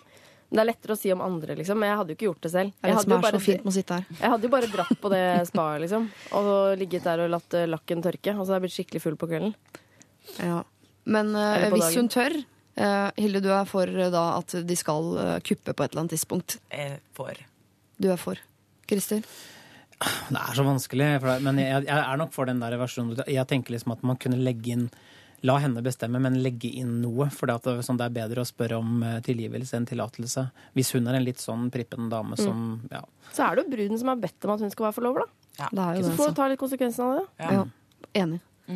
Eh, Vibeke, jeg hører her av eh, dagens eh, råd at eh, du kan kuppe litt, men bruk litt sånn eh, opphøyende retorikk, at du opphøyer henne som den, den sjefen og den beste venninna og sånn, og spør om det er greit, selv om du allerede egentlig kanskje har bestilt. Du han oppsummere. politimannen. Tusen takk, jeg har gått på kurs i sommer. Vibeke har ønsket seg en låt, og det er Girls Just Wanna Have Fun. Det, det kan jeg ikke. Det beklager jeg. Jeg sier jo at man får ønskelønn, men det, jeg merker at det, det blir rett og slett ikke noe av. Jeg, jeg orker ikke. Eh, Det, Vibeke, du fikk såpass gode råd at jeg unner meg å ikke gi deg det lille ekstra eh, som er den ønskelåta. Dette er NRK P3. P3. Hallo, Lørdagsrådet. Ekskjæresten min har fått seg en ny dame, og for et år siden så møtte jeg henne for første gang. Det skjedde på festival, og jeg var veldig full. Jeg husker veldig få ting fra den kvelden, og hun er ikke en del av noen av mine minner. I helgen møttes vi igjen alle tre for første gang siden det møtet, og da oppførte hun seg veldig merkelig og sendte stygge blikk. Eksen min snakket heller ikke til meg, noe som er rart. Når jeg tok det opp med han, ble han veldig sint og mener at jeg må si unnskyld til hans kjæreste fordi jeg oppførte meg dumt for et år siden. Jeg mener at jeg ikke skal det, for jeg husker ikke hva jeg har gjort.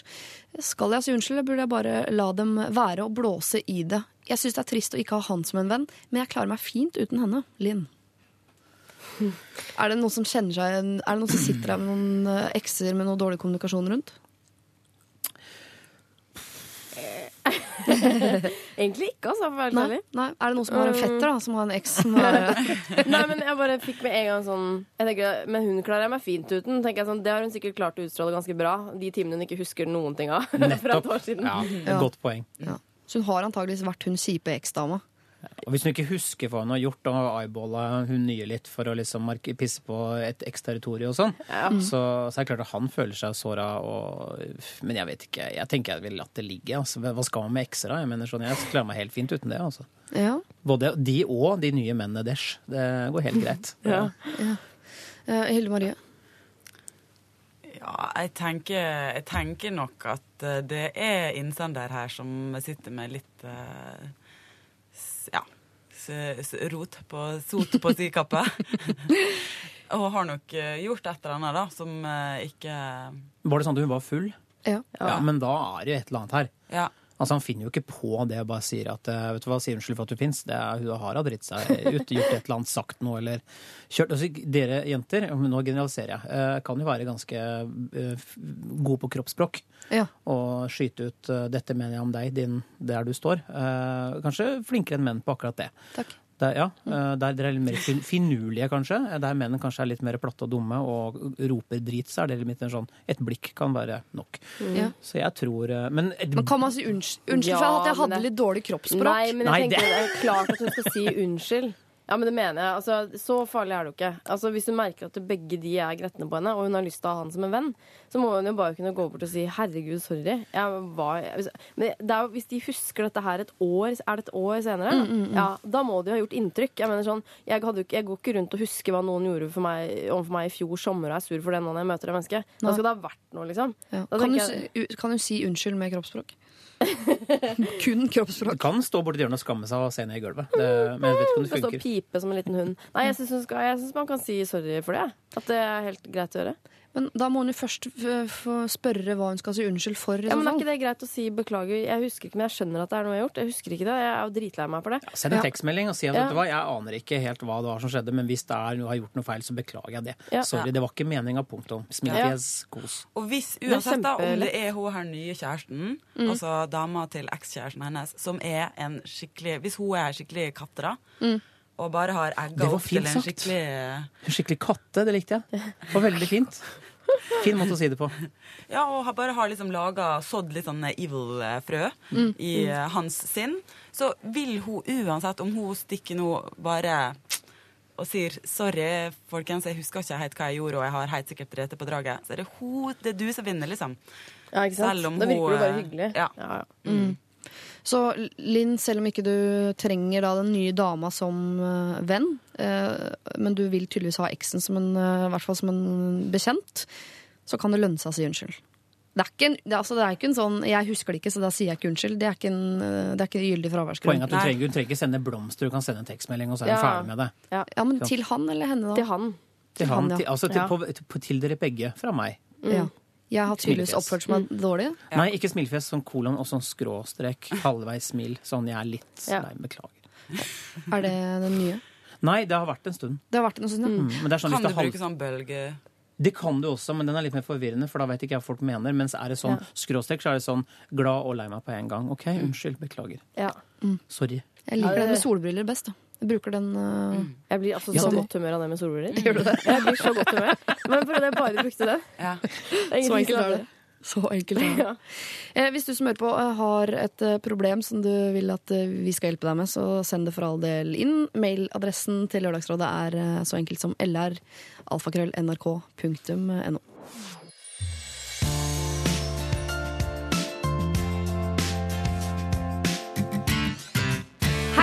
Jeg kan huske, eh, til og med før jeg visste virkningene av bruk av alkohol, har jeg og min yngre bror hatt en avtale med mamma og pappa om å ikke drikke alkohol før vi fyller 18.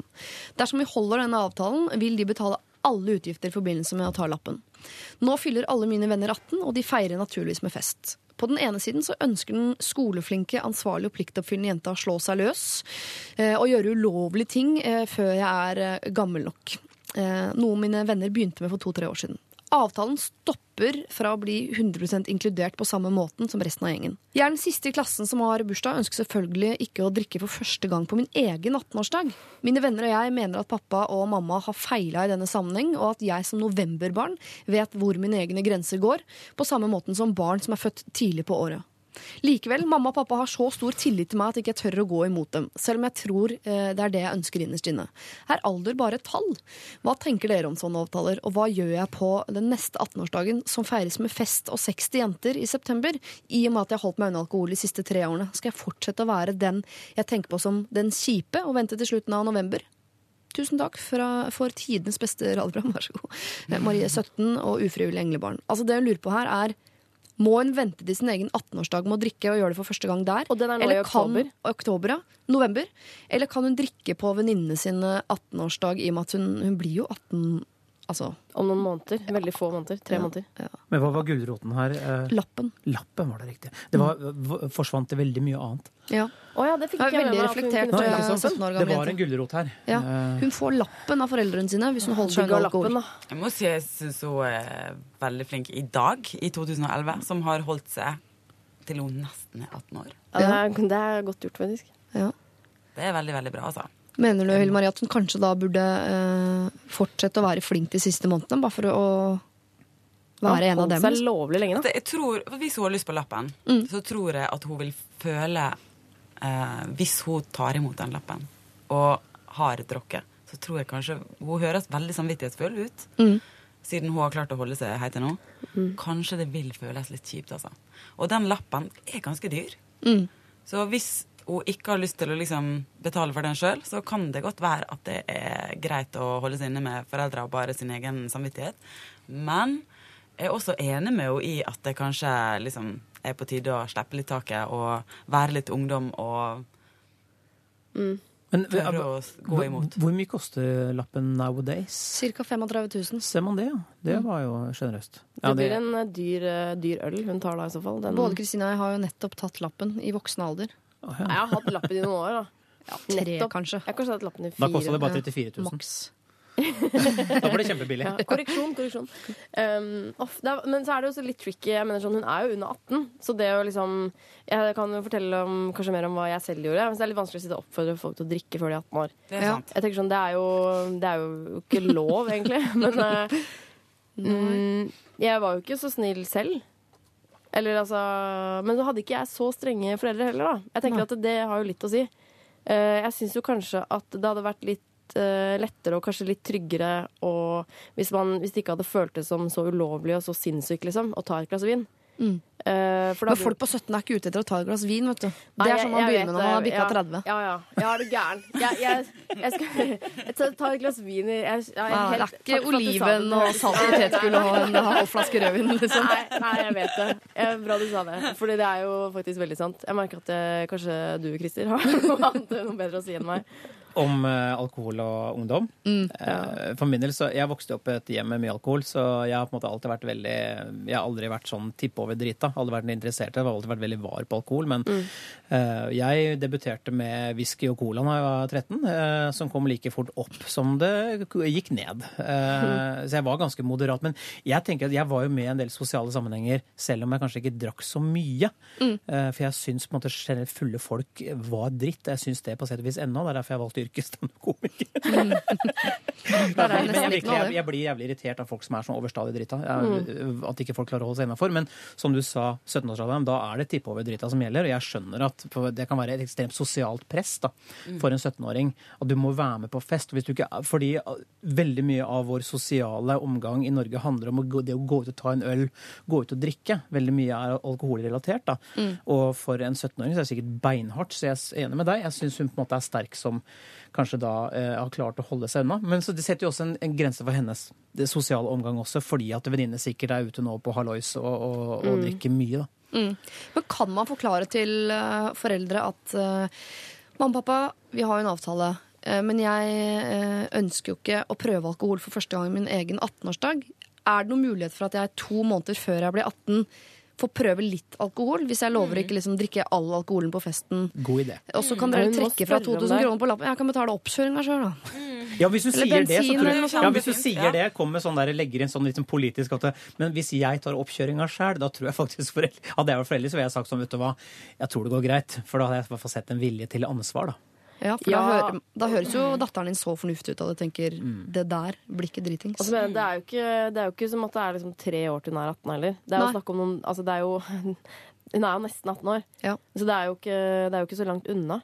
Uh, Men det er ah, nesten, ah, nesten greiene. Jeg var på tolvårsgrensefilm uh, med fattern da jeg var ni, og da brukte han nesten-prinsippet. Ni, snart ti, nesten elleve, og det er så godt som tolv. Så jeg tenker uh, 17, ja, er nesten 18. Men er det ikke litt kult å, hvis alle andre eh, har, eh, drikker og har drukket en stund, og er hun ene som ikke gjør det? Er, ikke, er det litt kult? Det er veldig kult, altså. Og jeg tror kanskje ikke det føles, den kulhetsfaktoren føles så tipp topp akkurat nå. Fordi det er ikke kult. Når de du er, Er det kult for oss, eller er det kult for de? Altså, vi syns det står respekt av det, men jeg Ja. tenker Mm. hvis jeg selv gikk på, på videregående nå, og, og alle gjorde seg klar til russetiden, russekroer, og du er på 17 år, så er det et stort sosialt press på drikking også. Ja. Det er kjempevanskelig. Jeg var sistemann ut og husker at jeg syntes det var veldig kult. Bortsett fra at da blir man hun som må dusje venninnene og kle på de nye klær og sørge for at de kommer seg hjem. Altså man blir hun Røde Kors-dama på festen. Gå med sånn refleksvest med natteramme på. Liksom. Rett før jeg fikk meg schæfer og sånn båre. Akkurat jeg er litt røft. Men det, er, det ligger noe litt kult i å være sistemann ut, altså. Ja. Ja. Kan du ikke kul, heller er ligge med noen først? først, ja, men det er kulere det enn å debutere altfor tidlig seksuelt, f.eks. Det er jo Ja. sånn hvis du Det er enda bedre. Eh, Hva, hva sier vi til Marie, 17 år, ufrivillig englebarn? det du sa. Ja, men, Jeg- Og det er på en liten bismak av at hun kaller seg sjøl for ufrivillig englebarn. For da tenker jeg at det også Altså de, det er ofte liksom når man er ungdom da, og begynner å drikke før alderen eh, tilsier at man har lov til det, så, så er jo det fordi at man har et litt sånn opprør i seg. Og akkurat det opprøret det skal man ikke kimse av, tror jeg. Jeg tror det er kjempesunt, fordi du har liksom noen som er eldre og større og bedre enn det til alt mulig her i verden, og det er foreldrene dine, som eh, Ja. eh, selvfølgelig kan det er en sannhet med modifikasjoner, men eh, det, man må jo på en måte på et tidspunkt bli like bra og store og flotte som dem, for at de en gang skal respektere det, og for at man kan være like Uh, like bra eh, og voksne mennesker og kunne snakke med hverandre. Og jeg tror at det ungdoms, ungdomsopprøret er det som gjør at man liksom man krangler og krangler, og krangler, og når man møtes på toppen av det og er ferdig med hele den greia der, så er man to voksne, liksom. Da Ja. kan man snakke sammen. Så jeg tror at det er veldig sunt med et ungdomsopprør. Og det, jeg blir, begynner å lure på om hun ikke har hatt det enda mot sine foreldre. Og jeg har noen venninner som har hatt det når de er blitt voksne, og det er veldig lite kult. Ja, Det er mye verre. ja. Det er litt som å få barnesykdommer i voksen alder. Ja. Altså det, blir, det slår ut så mye verre. Ja, det gjør det, altså.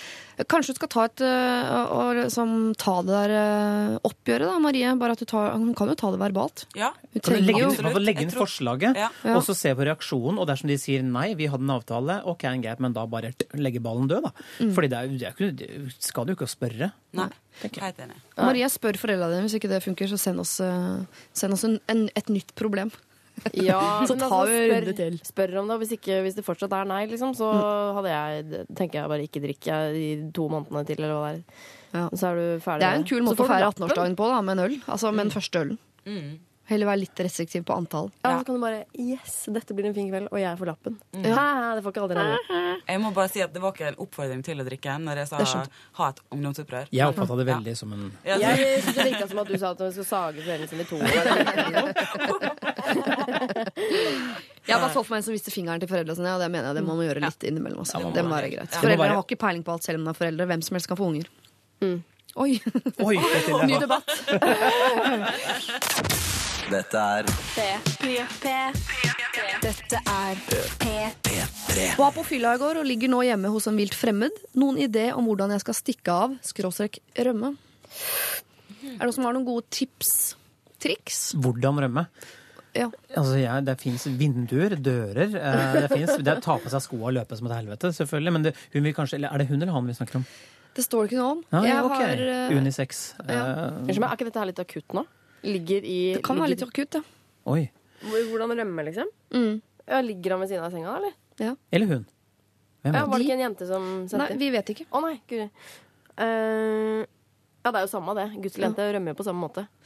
I 2011 i hvert fall. Ja. Nei, uh, kan man ikke bare ta på seg klærne og si at man skal på do, og så går man? Men må man, hvorfor må man ta smygeren? Begge har ligget med hverandre. Må den ene være mer flau enn den andre? Nei, jeg tenker at det bare er å gå ut døra.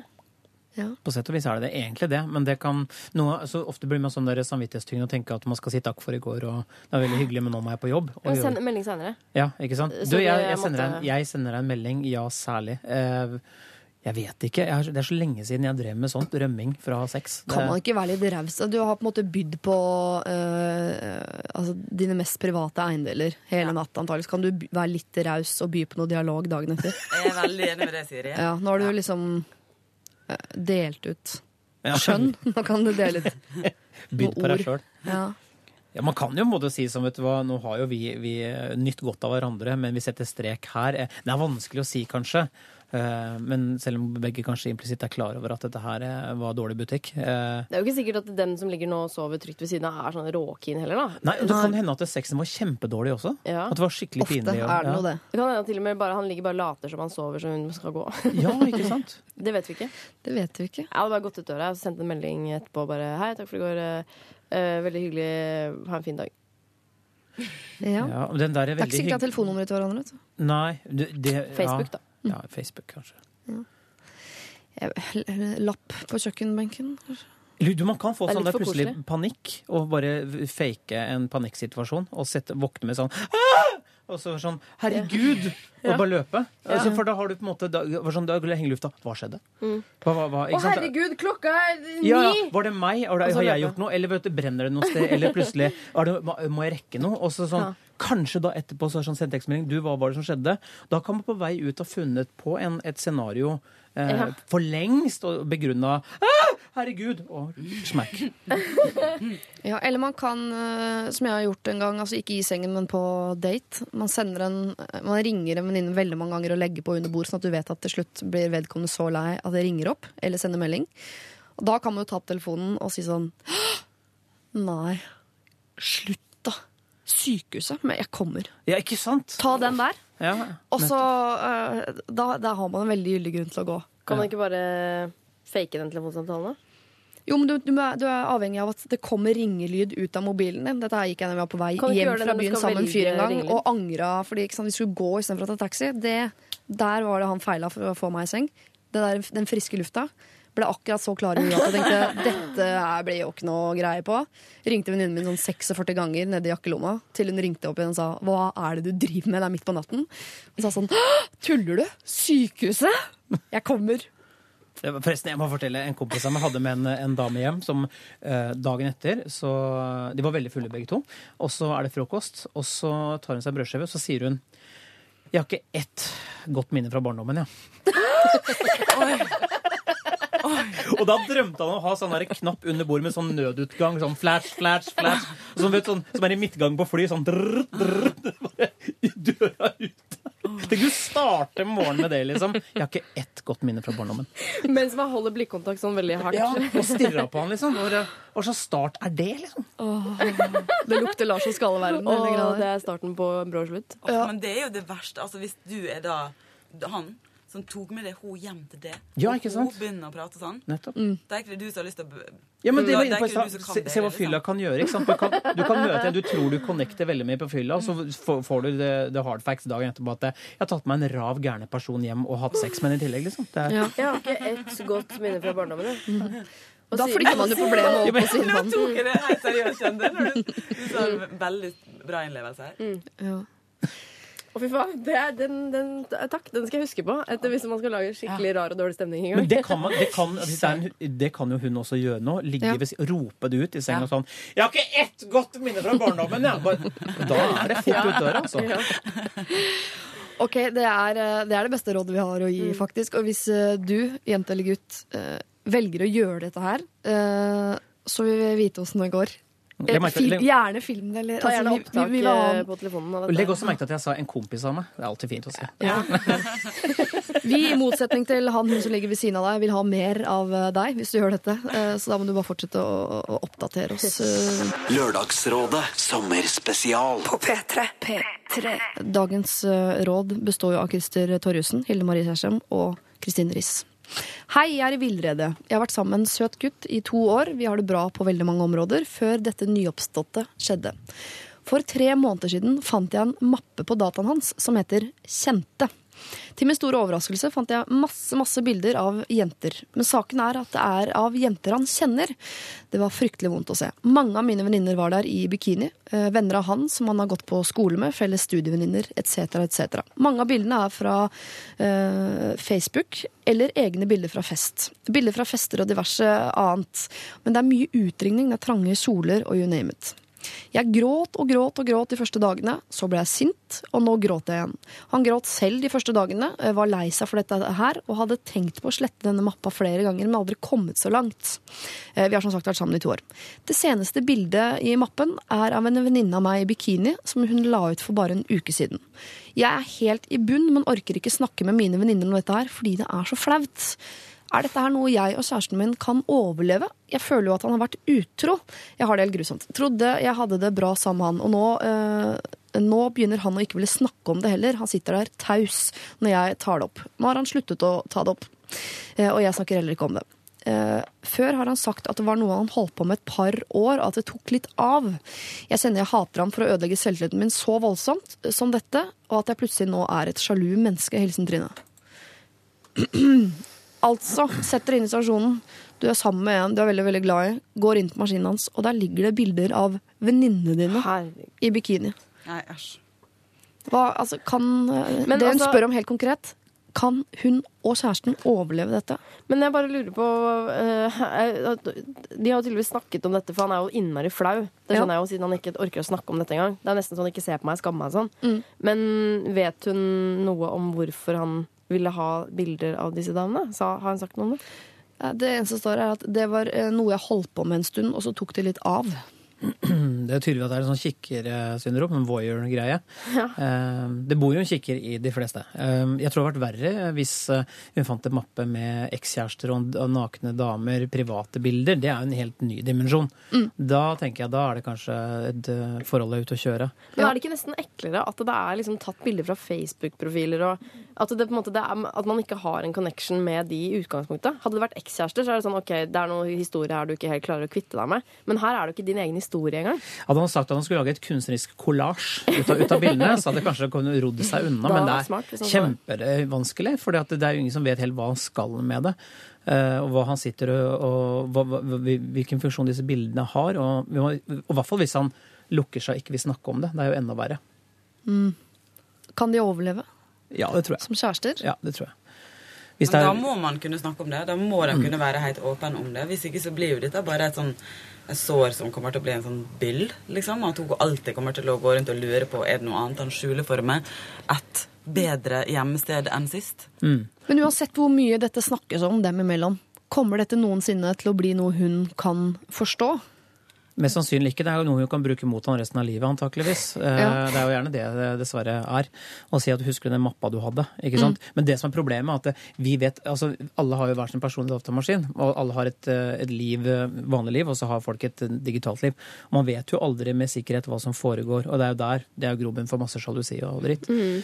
Men jeg tenker hvis de er to år inn i et forhold, og de er ganske unge, så tror jeg det kanskje kan overleve hvis han skjønner at det her kan være ekstremt sårende og gjøre henne til veldig, veldig usikker. da. Men må jo finne ut av eh, hvorfor han har hvorfor han har hatt eh, bilder av, eh, av alle disse folka. Og hva han har brukt det til. Jeg tenker Han må, liksom, han må være ordentlig ærlig. Fordi hun, Jeg skjønner jo hva hun tenker at han har brukt det til. Jeg vet hva jeg hadde tenkt. Ja. Og da ville jeg tenkt, eh, hvis alle sammen er med på de premissene der, uten Ja. at vi trenger å si det, Ja. så tenker jeg at eh, lurer på hva er det, er ikke jeg liksom bra nok, eller jeg holder det ikke med meg, liksom. Eh, og det er veldig vondt. Og da tenker jeg at eh, de må jo snakke skikkelig om det. Ja, men jeg tenker, jeg tenker først og fremst at dette er jo ja, noe de må finne ut av, men er det ikke først og fremst noe han må finne ut av? Fordi selv om Jo, men kanskje sammen med henne, da. Hun er jo en del av det. ja, jeg bare tenker at dette er, sånn, uh, dette er en fetisj han har, og mulig så er dette starten på noe som ikke er bra i det hele tatt hos, hos han. Jeg ville aldri klart å stole på en fyr som jeg visste at eh, allerede var litt ute på glattisen når det gjaldt å laste ned stygge bilder på internett og sånn. Det, det mennesket tenker jeg du må gjennom en skikkelig runde med noen dype stoler og, og eldre menn med skjegg. Eh, og Eller mye samtaler og eh, penger og ikke sant. Ja, jeg, liker ikke å si det rett ut. Det er med psykolog. Ja. um, Dype stoler og menn med skjegg. ja. Jeg tenker Veldig, veldig mørk, mørk, mørkt hjørne. ja. merke, jeg hadde ikke klart å stole på at han bare om natta liksom hadde endra seg. Eh, Det skulle jeg hatt papiret på. Men det er kjempevanskelig, for liksom, hvis han sier at ja, jeg skal slutte med det, mappa er fjerna, eh, så vil jo det der maskinen hans være et, eh, et, et Elefant i rommet. Ja, ikke sant. Være usikkerheten hennes konstant. Da. Og det, jeg tror nok det, hvis forholdet som sagt er to år gammelt, og de er ganske unge, så tror jeg det kan fortsette. Men hadde det på en måte vært Vi er gift, eh, og vi har vært eh, sammen nå i tolv år, og mannen min har masse bilder av venninnene mine i bikini, ville jeg tenkt ok, nå har vi et kjempeproblem. Hvis man er en voksen person. Ja, Så må du finne ut av hvorfor, hvis han slutter med det her nå, da, hvorfor gjør han det? Fordi han er ferska, eller fordi han er ferdig med det? Ikke sant? Hvis han stopper bare fordi han er ferska, så betyr det at han fortsatt har et ønske om å ha bilder av venninnene dine i bikini. Det er jo ikke Nei, fy bra. fader, jeg, tror jeg vet ærlig talt ikke hva jeg hadde gjort selv. altså. Men det var også andre bilder det var ikke bare bikinibilder. Det var utringning, trange kjoler. Å, ja. altså helt tydelig Ja. at det var et, et, eh, Det et var- ja, tema i denne mappa. Tema. Ok, temamappa. Ja. Ja. Nei, det er ikke så veldig bra. Det er ikke Det er ikke veldig bra. Jeg, vet du hva? Jeg tror, ikke, jeg, jeg tror kanskje ikke at jeg hadde klart det. Hvis kjæresten min hadde masse bilder av, eh, av mine venninner. Hvor Mm. de så dritbra ut, og han skulle ha Nei, vet du hva. Det, jeg, det syns jeg har vært kjempevanskelig. Kommer til å bli minnet på det hele tiden. Hver gang hun ser bilder av venninnen sin på Facebook. Og hver gang hun møter en venninne med Ja. utringning, så tenker du sånn åh, det der skulle sikkert typen min gjerne hatt bilde av. Kanskje jeg tar tilbake, kanskje det kan være noe satsingsområde sånn i utgangspunktet. Men, Hvis de er veldig unge, så tror jeg jeg hadde Men eh, det, vi- det er kanskje litt vanskelig å se det akkurat nå, men det når man, når man er i et forhold og har vært i et forhold i to år, så har man liksom kommet til et litt sånn deilig naivitetsområde, liksom, hvor begge to bare er naive og glad i hverandre og helt sånn off guard.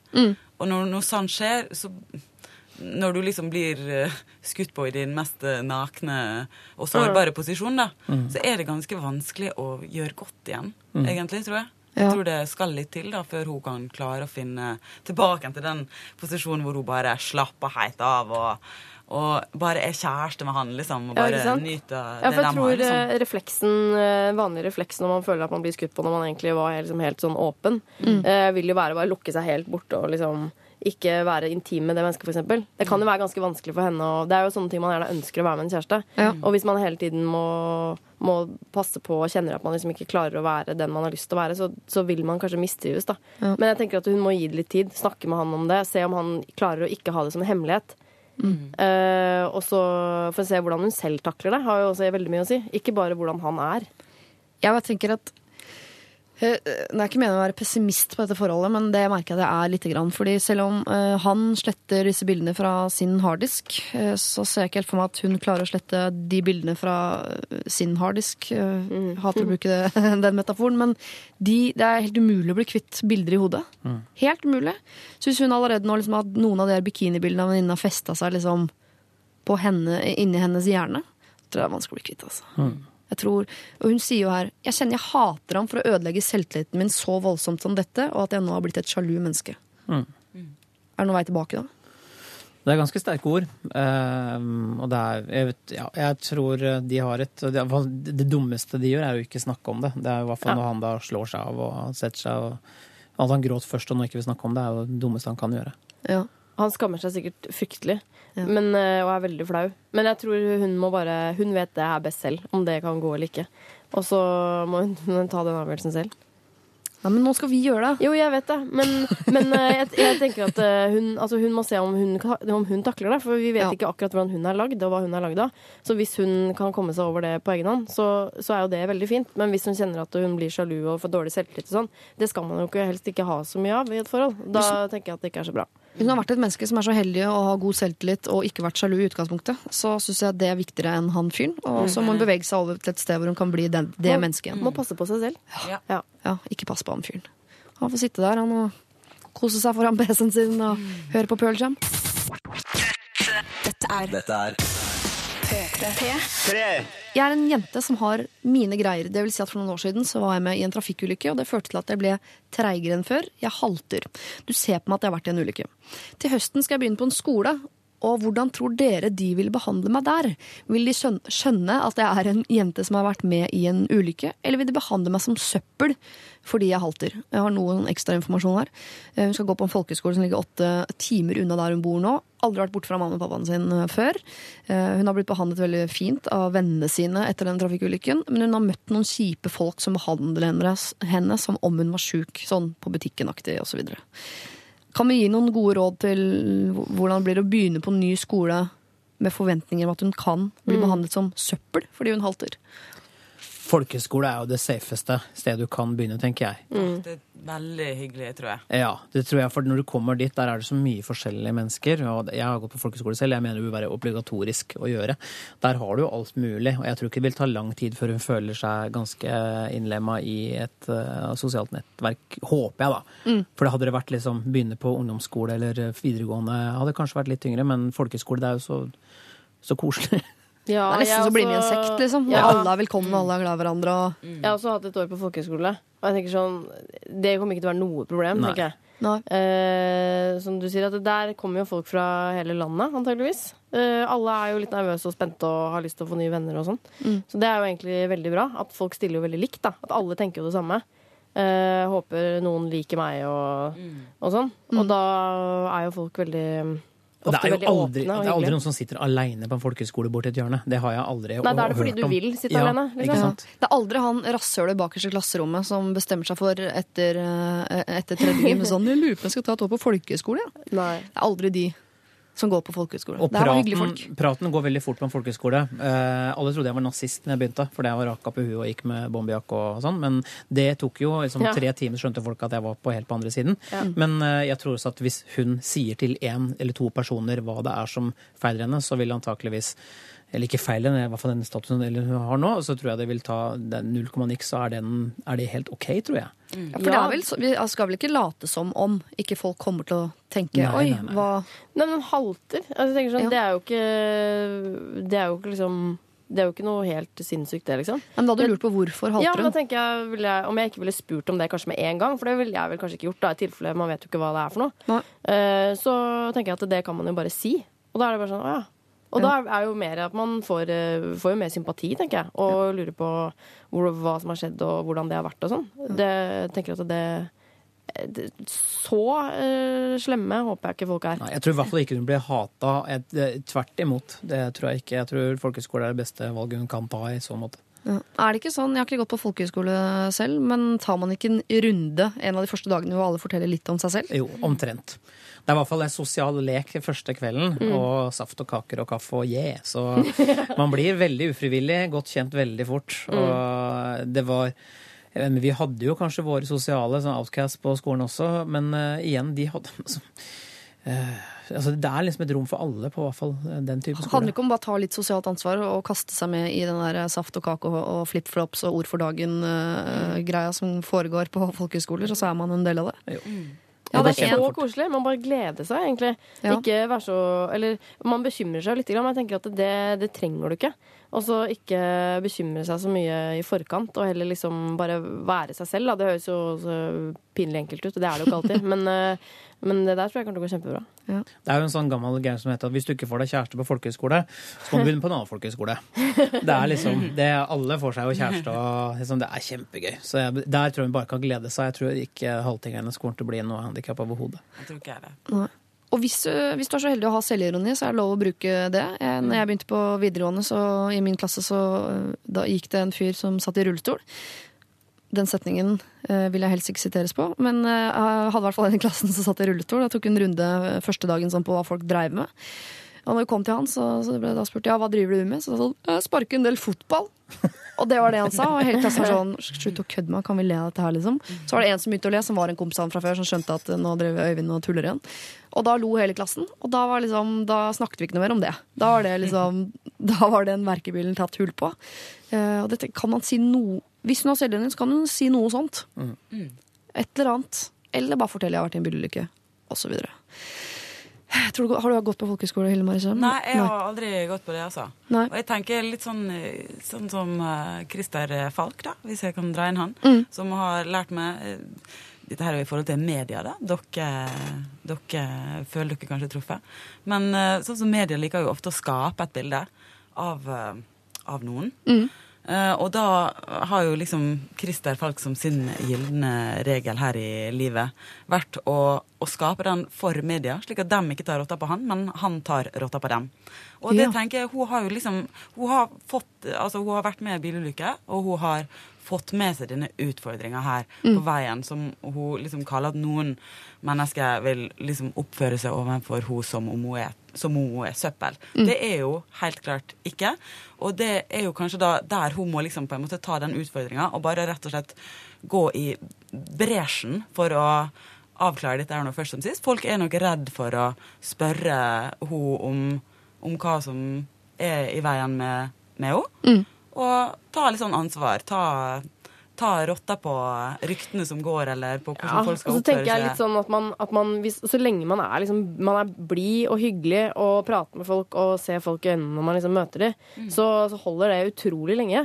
Eh, og så kan man jo heller liksom ta det andre liksom litt etter hvert, tenker jeg. Fordi da kommer jo folk til å lure på det. Det trenger ikke være det første man må si når man møter noen, liksom. La oss si sånn, Det vil være folk med langt verre skavanker enn en, et halvt, halvt fot på en folkehøyskole. Det er mye rart. Og det er det som er så gøy med folkehøyskole, at alle på en måte, det er et stort fellesskap av mye rart av mye rare folk. Ja. Og det skal det være òg. Og hvis, jeg tenker, hvis det er noen som behandler deg som søppel, så får du tenke at det er de som er søppel. Det er bare søppel som, som kan finne på å gjøre noe sånt. Og så får du gå seirende ut av det på en eller annen måte. Bra sagt. Dette er Lørdagsrådet På P3. P3. Hei! Hva ville dere gjort den siste dagen før dere skulle blitt foreldre? Vi drar til sykehuset eh, på mandag for å sette i gang en fødsel, så vi har bare i dag og i morgen igjen før vi blir foreldre til tvillingjenter. Hilsen blivende tvillingforeldre på 23 og 25 år. Jeg har jo vært der. Ja, og satt i gang en fødsel. du- Ja, jeg har litt kompetanse på det. Ja. Mm. Førstebarnet vårt da, han måtte jo settes i gang, for han ville jo ikke ut. Nei. Og da var det sånn opp og, og så eh, liksom Ting gjøres, og så settes en fødsel i gang. Eh, og så hadde vi jo keisersnitt på den andre. Eh, hva vi gjorde dagen før, vet du hva? Jeg tror vi du, Dere andre som ikke har barn, hva ville dere gjort? Jeg ville sett på en film og prøvd å slappe av. Det er det man gjør stort sett hver dag etterpå. Nettopp. Ikke sant? Ja, men det var, det, det var feil svar? Nei, nei, nei overhodet ikke. Det er litt kjedelig, bare. Ja. Ja. Hva ville du gjort, da? Åh, nå har vi to leirer. her. To med og to uten barn. Ja. Altså, jeg, vet, jeg vet, jeg har ikke vært gravid. Jeg lurer på det, hvor sliten er man når man er helt sånn bolle, bolle, bolle tjukk. Du er veldig sliten. Ja. Veldig lei av å være gravid. Ja. Ja, men ville jeg kanskje begynt å Da ville jeg grått, da, og sett på film. Eller, eller vil man Jeg vet ikke. Altså, fylla utgår. Det kan vi stryke. Det gjør man ikke når man er høygravid. Nei. Og hvis du er mann til en som er høygravid, så går du heller ikke på fylla dagen før en fødsel skal starte. I hvert fall ikke hvis det er tvillinger. Um, uten at det har noe med Men saken man kanskje gjør, Ja, ikke sant? Gjør man noe sammen? Går man på kino? og På konsert, Tør man å gå ut? Nei, man gjør ikke det, skjønner du, for du er så sprekkferdig at det kan Ja. boble kan, altså, når som helst. Og da er det er veldig Dette er et veldig hjemlig affære, tror jeg. Eh, jeg ville lagd masse sushi, Uh, som jeg ikke kan fordi kona mi liker det ikke. Har hørt på. Um, så vi har gjort veldig koselige ting. Men jeg vet du hva, du er en sånn tåke rett før en fødsel at du husker ikke opp ned på døgnet eller noen ting. eh, så jeg kan ikke engang Jeg kan ikke huske hva vi gjorde i det hele tatt. Det er en veldig rar situasjon, for de fleste vet vel ikke hva siste kvelden før en fødsel er. Nei. Ja, Men de vet vel hvis de Ja, skal de sette i vet jo dette her, og da, det blir veldig vanskelig å sette seg inn i, rett og slett. Vet du jeg husker at jeg gjorde? Jeg satt og tenkte at i morgen eh, nå, eh, Jeg visste at datteren min skulle komme klokka ti over ett dagen etter. Du, dette vet du med en kontrollert keisersnitt. Det var veldig rart. Absurd, fordi at det vanligvis er at du går og venter på at liksom, nå skal ting skje. Men jeg satt og tenkte på at fra i morgen av ti over ett så kommer livet mitt aldri til å bli det samme igjen. Og det blir en ny dimensjon, og alt blir eh, enda, enda gøyere med å være eh, pappa. Eh, ikke sant? Men er, jeg tror du bare sitter og tenker at eh, nå må det skje snart. Da. Men jeg kjenner at jeg nesten får litt tårer Altså jeg kjenner at jeg liksom blir sånn rørt når du sier det. Og så tenker jeg jeg blir det uten å være gravid, uten å ha barn. Og da tenker jeg hvordan jeg selv hadde vært kvelden før. Jeg hadde vært helt ødelagt. Så jeg ville tenkt at jeg kan ikke tenke på det. For at da kommer jeg til å bare ligge og gråte og komme liksom inn helt sånn utslitt og skal Det man stort sett gjør, for å være helt ærlig, er å pakke. Av å gjøre praktiske ting. Ja. Og sørge for at alt er klart, og du skal være så og så lenge på sykehuset. Har vi det, har vi det, har vi det? Eh, våtservietter, læ, læ, læ. Altså alle mulige sånne rare ting man på en måte trenger, da. Eh, og og det, det blir veldig sånn praktisk gjøremål, men jeg tror man skal snike til seg et godt måltid eh, sånn kvelden før og Jo, men samtidig, jeg tenker bare sånn eh, Jeg har aldri tenkt dette før, men jeg har tenkt sånn «Å, Hvis det bare var én dag igjen av livet, hva skal jeg gjort da? Så er alltid min ultimate drøm, det er riktignok noen år siden jeg har gått bort fra det, eh, var å ta et balltre og stikke ned på glassmagasin og knuse hele første etasje. For det står for meg som en utrolig kul greie. da, å Bare knuse et glass for mange millioner kroner. Eh, Det er litt dumt eh, dagen før du skal ha tvillinger, for da sitter far i fengsel. Og blir gærent.